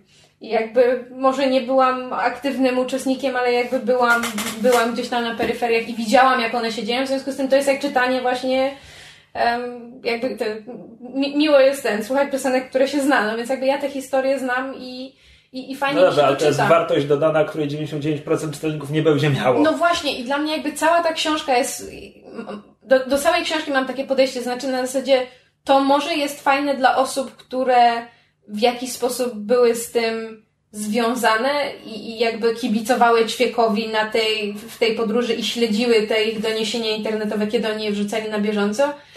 Ta, ta książka to jest pamiątka dla tych pięciu osób, co tam pojechały. Trochę tak. I jakby, i tak samo uważam, że, że książka może mieć jakąś wartość dla osób, które się nie interesują popkulturą, ale te, te, też jest to podane w tak chaotyczny sposób, że nie bardzo wiem, dlaczego miałyby po nią sięgnąć, bo jeżeli kogoś interesuje popkultura i, właśnie chce sobie, wiesz, przeczytać tę książkę na zasadzie, o, oni mieli właśnie te głę tych głębszych warstw się dokopać, to może, może to będzie coś ciekawego, no to nic w niej tak naprawdę głębszego nie znajdzie. Natomiast dlaczego osoba, która się nie interesuje popkulturą, miałaby po to sięgnąć, zwłaszcza, że większość historii dotyczy tego, jak wiesz, jak Kuba ze znajomymi podróżowali po Stanach pod tytułem stoją przed hotelem i palą albo robią zdjęcia wiewiórką w Central Parku. To naprawdę nie jest interesujące. Znaczy, Przykro mi to stwierdzić. Znaczy, ja, patrzę na to sobie z perspektywy osoby, która bardzo dobrze zna popkulturę i to zna, zna tę no, konkretną. Tak. No tak, tylko że jakby to przekładasz, przekładasz też na innych. Znaczy ja na przykład nie wiem, yy, no na tyle, na ile siedzę w popkulturze, to na przykład to, to, ta część popkultury, którą się ćwiek interesuje, akurat dla mnie jest dość obca. Znaczy ja nigdy z Kinga nie czytałem, King mnie nigdy nie interesował na przykład. Znaczy nie no że mnie interesował, ale... jak, jak czytasz teraz o nim tak, tym? Nie, bo jakby interesuje mnie postać Kinga, interesuje, y, interesuje mnie jakby to, co robi, jak robi i tak dalej, jakby y, cała ta otoczka wokół, y, wokół jego książek kompletnie nie chce mi się czytać jego książek. Jakby z, i akurat to jest dla mnie, to, to jest dla mnie o tyle interesujące, że to są jakby ludzie, których jakby kojarzę, znam, jakby znam postać e, jakby z popkultury, wiem, co znaczy dla popkultury, ale nie interesowałem się nim szczególnie. E, więc e, i, i w tym momencie jakby perspektywa, perspektywa Kuby E, jest dla mnie interesująca. Szczególnie, że mówię, ja po prostu lubię słuchać historii ludzi i to niezależnie o czym są e, i niezależnie od tego, jakby jak naładowane są akcje. Znaczy lubię, ja lubię styl opowiadania Kuby. E, I nie lubię, nie lubię jakby stylu jego pisania, jakby w książkach, znaczy momentami, czy nie lubię. Nic, nic mi nie robi. E, przeczytałem, przeczytałem tam jego, jego opowiadania i owszem mogę sobie poczytać, ale... Która? E, Jezu. Gotuj, gotuj z papieżem? Nie, nie, przepraszam, nie opowiadania. Znaczy, te, chodzi mi o kłamcę, tylko że pierwszy kłamca jest takim, taką ma formę Pierwsze dwa. O, opowiadań, tak. Mm, takiej antologii opowiadań. E, jakby i to, to, jego styl jest taki dosyć, e, czy nawet, można go nazwać e, ten, hojnie przystępnym, e, ale też nie jest szczególnie, nie jest szczególnie rozbudowany. Jakby niekoniecznie nie, nie, tego, nie tego szukam w beletrystyce. Natomiast e, jego styl jakby opowiadania, to jest zawsze jakby lubiłem, lubiłem słuchać Kubę i jakby to jest napisane w takim strumieniem świadomości po prostu, na zasadzie ten. I to jest dla mnie interesujące, bo ja lubię po prostu słuchać, czytać o tym, jak funkcjonują ludzkie umysły. Znaczy lubię właśnie sobie takich historii z perspektywy kogoś, e, kogoś innego i w jaki sposób on patrzy na rzeczy, które no, ja jakoś tam znam, może nie najlepiej, czasem, czasem lepiej, czasem gorzej, ale w jaki sposób, w jaki sposób on na to patrzy i czego on tam, e, czego on tam się doszukuje. E, jakby pod tym względem, e, no nie wiem, mi to nie przeszkadza aż tak bardzo jak, e, jak myszy. Bo też po prostu zupełnie, zupełnie czego innego, zupełnie czego innego szukam w tego typu, w tego typu książkach. Jakby nie obchodzi mnie sama akcja, obchodzi mnie właśnie bardziej ten e, sposób opowiadania o różnych rzeczach. Moim zdaniem jakby to, to, znaczy to jest rzeczywiście, jeśli ktoś się bardzo interesuje popkulturą, to być może nie będzie, nie będzie to dla niego e, wielkie odkrycie. Znaczy to, to się wtedy jakby w miarę tam przyjemnie czyta mm, trochę z taką, z taką zazdrością, jakby jeśli ktoś tam nie, nie był, czy z, chciałby, chciałby pojechać, e, to można, można z pewną dozą zazdrości o tym poczytać. E, no ale w dużej mierze to jest właśnie dla jakby takich bardziej casualowych fanów popkultury się wydaje. Znaczy, jeśli ktoś jest jakby, wiesz, że tak powiem, nie wiem, badaczem popkultury albo po prostu jakby bardzo mocno w tym siedzi, no to rzeczywiście jakby nie znajdzie tam prawdopodobnie nic, y, nic nowego. E, natomiast jeśli ktoś po prostu jakby dopiero wchodzi w ten świat, a jednak mam wrażenie, że Kuba w ogóle pisze dla takich ludzi, niekoniecznie jakby dla których jakby fantastyka to jest e, jakby to, w czym żyją, tylko po prostu coś, e, coś czym się interesują pobieżnie to jakby dla nich moim zdaniem to, to może być interesujące. Znaczy... A jako książka o Ameryce? Znaczy, wiesz co, to ci powiem więcej, więcej jak, jak doczytam więcej. Ja dopiero, do, dopiero zacząłem, więc, więc jeszcze tak naprawdę większość tego, co przeczytałem, to jest na, na jeszcze temat... nie dojechali do Stanów? E, nie no, już dojechali, ale na, jak na razie większość to była o przygotowaniach do tej, e, do tej wycieczki, więc jakby to się jeszcze wypowiem na, te, na temat tego, jak w ogóle jak to przedstawia Stany i czy, czy, czy jak to się pokrywa właśnie z, z naszymi doświadczeniami ze Stanów. My tam byliśmy pięć tygodni. Moglibyśmy o połowę grubszą książkę napisać. Na tym kończymy dzisiejszy odcinek. Tego tygodniowy odcinek. I wracamy za tydzień, jak zwykle. Każdy tydzień. Przez do końca naszego życia. Za tydzień to już będzie Rogue One? Nie, to jeszcze będzie przed Rogue One.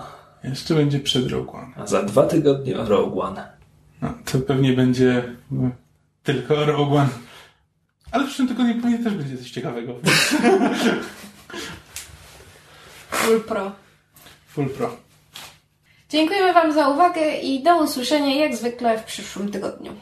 Pa pa! Pa pa! Pa pa! Słuchaliście podcastu Myszmasz. Możecie nas znaleźć na myszmasz.pl lub polubić nasz fanpage na Facebooku. Możecie nam także wysłać maila na myszmaszpodcast.gmail.com Jeśli do nas napiszecie, będziemy szczęśliwi jak wiewiórka na lotni.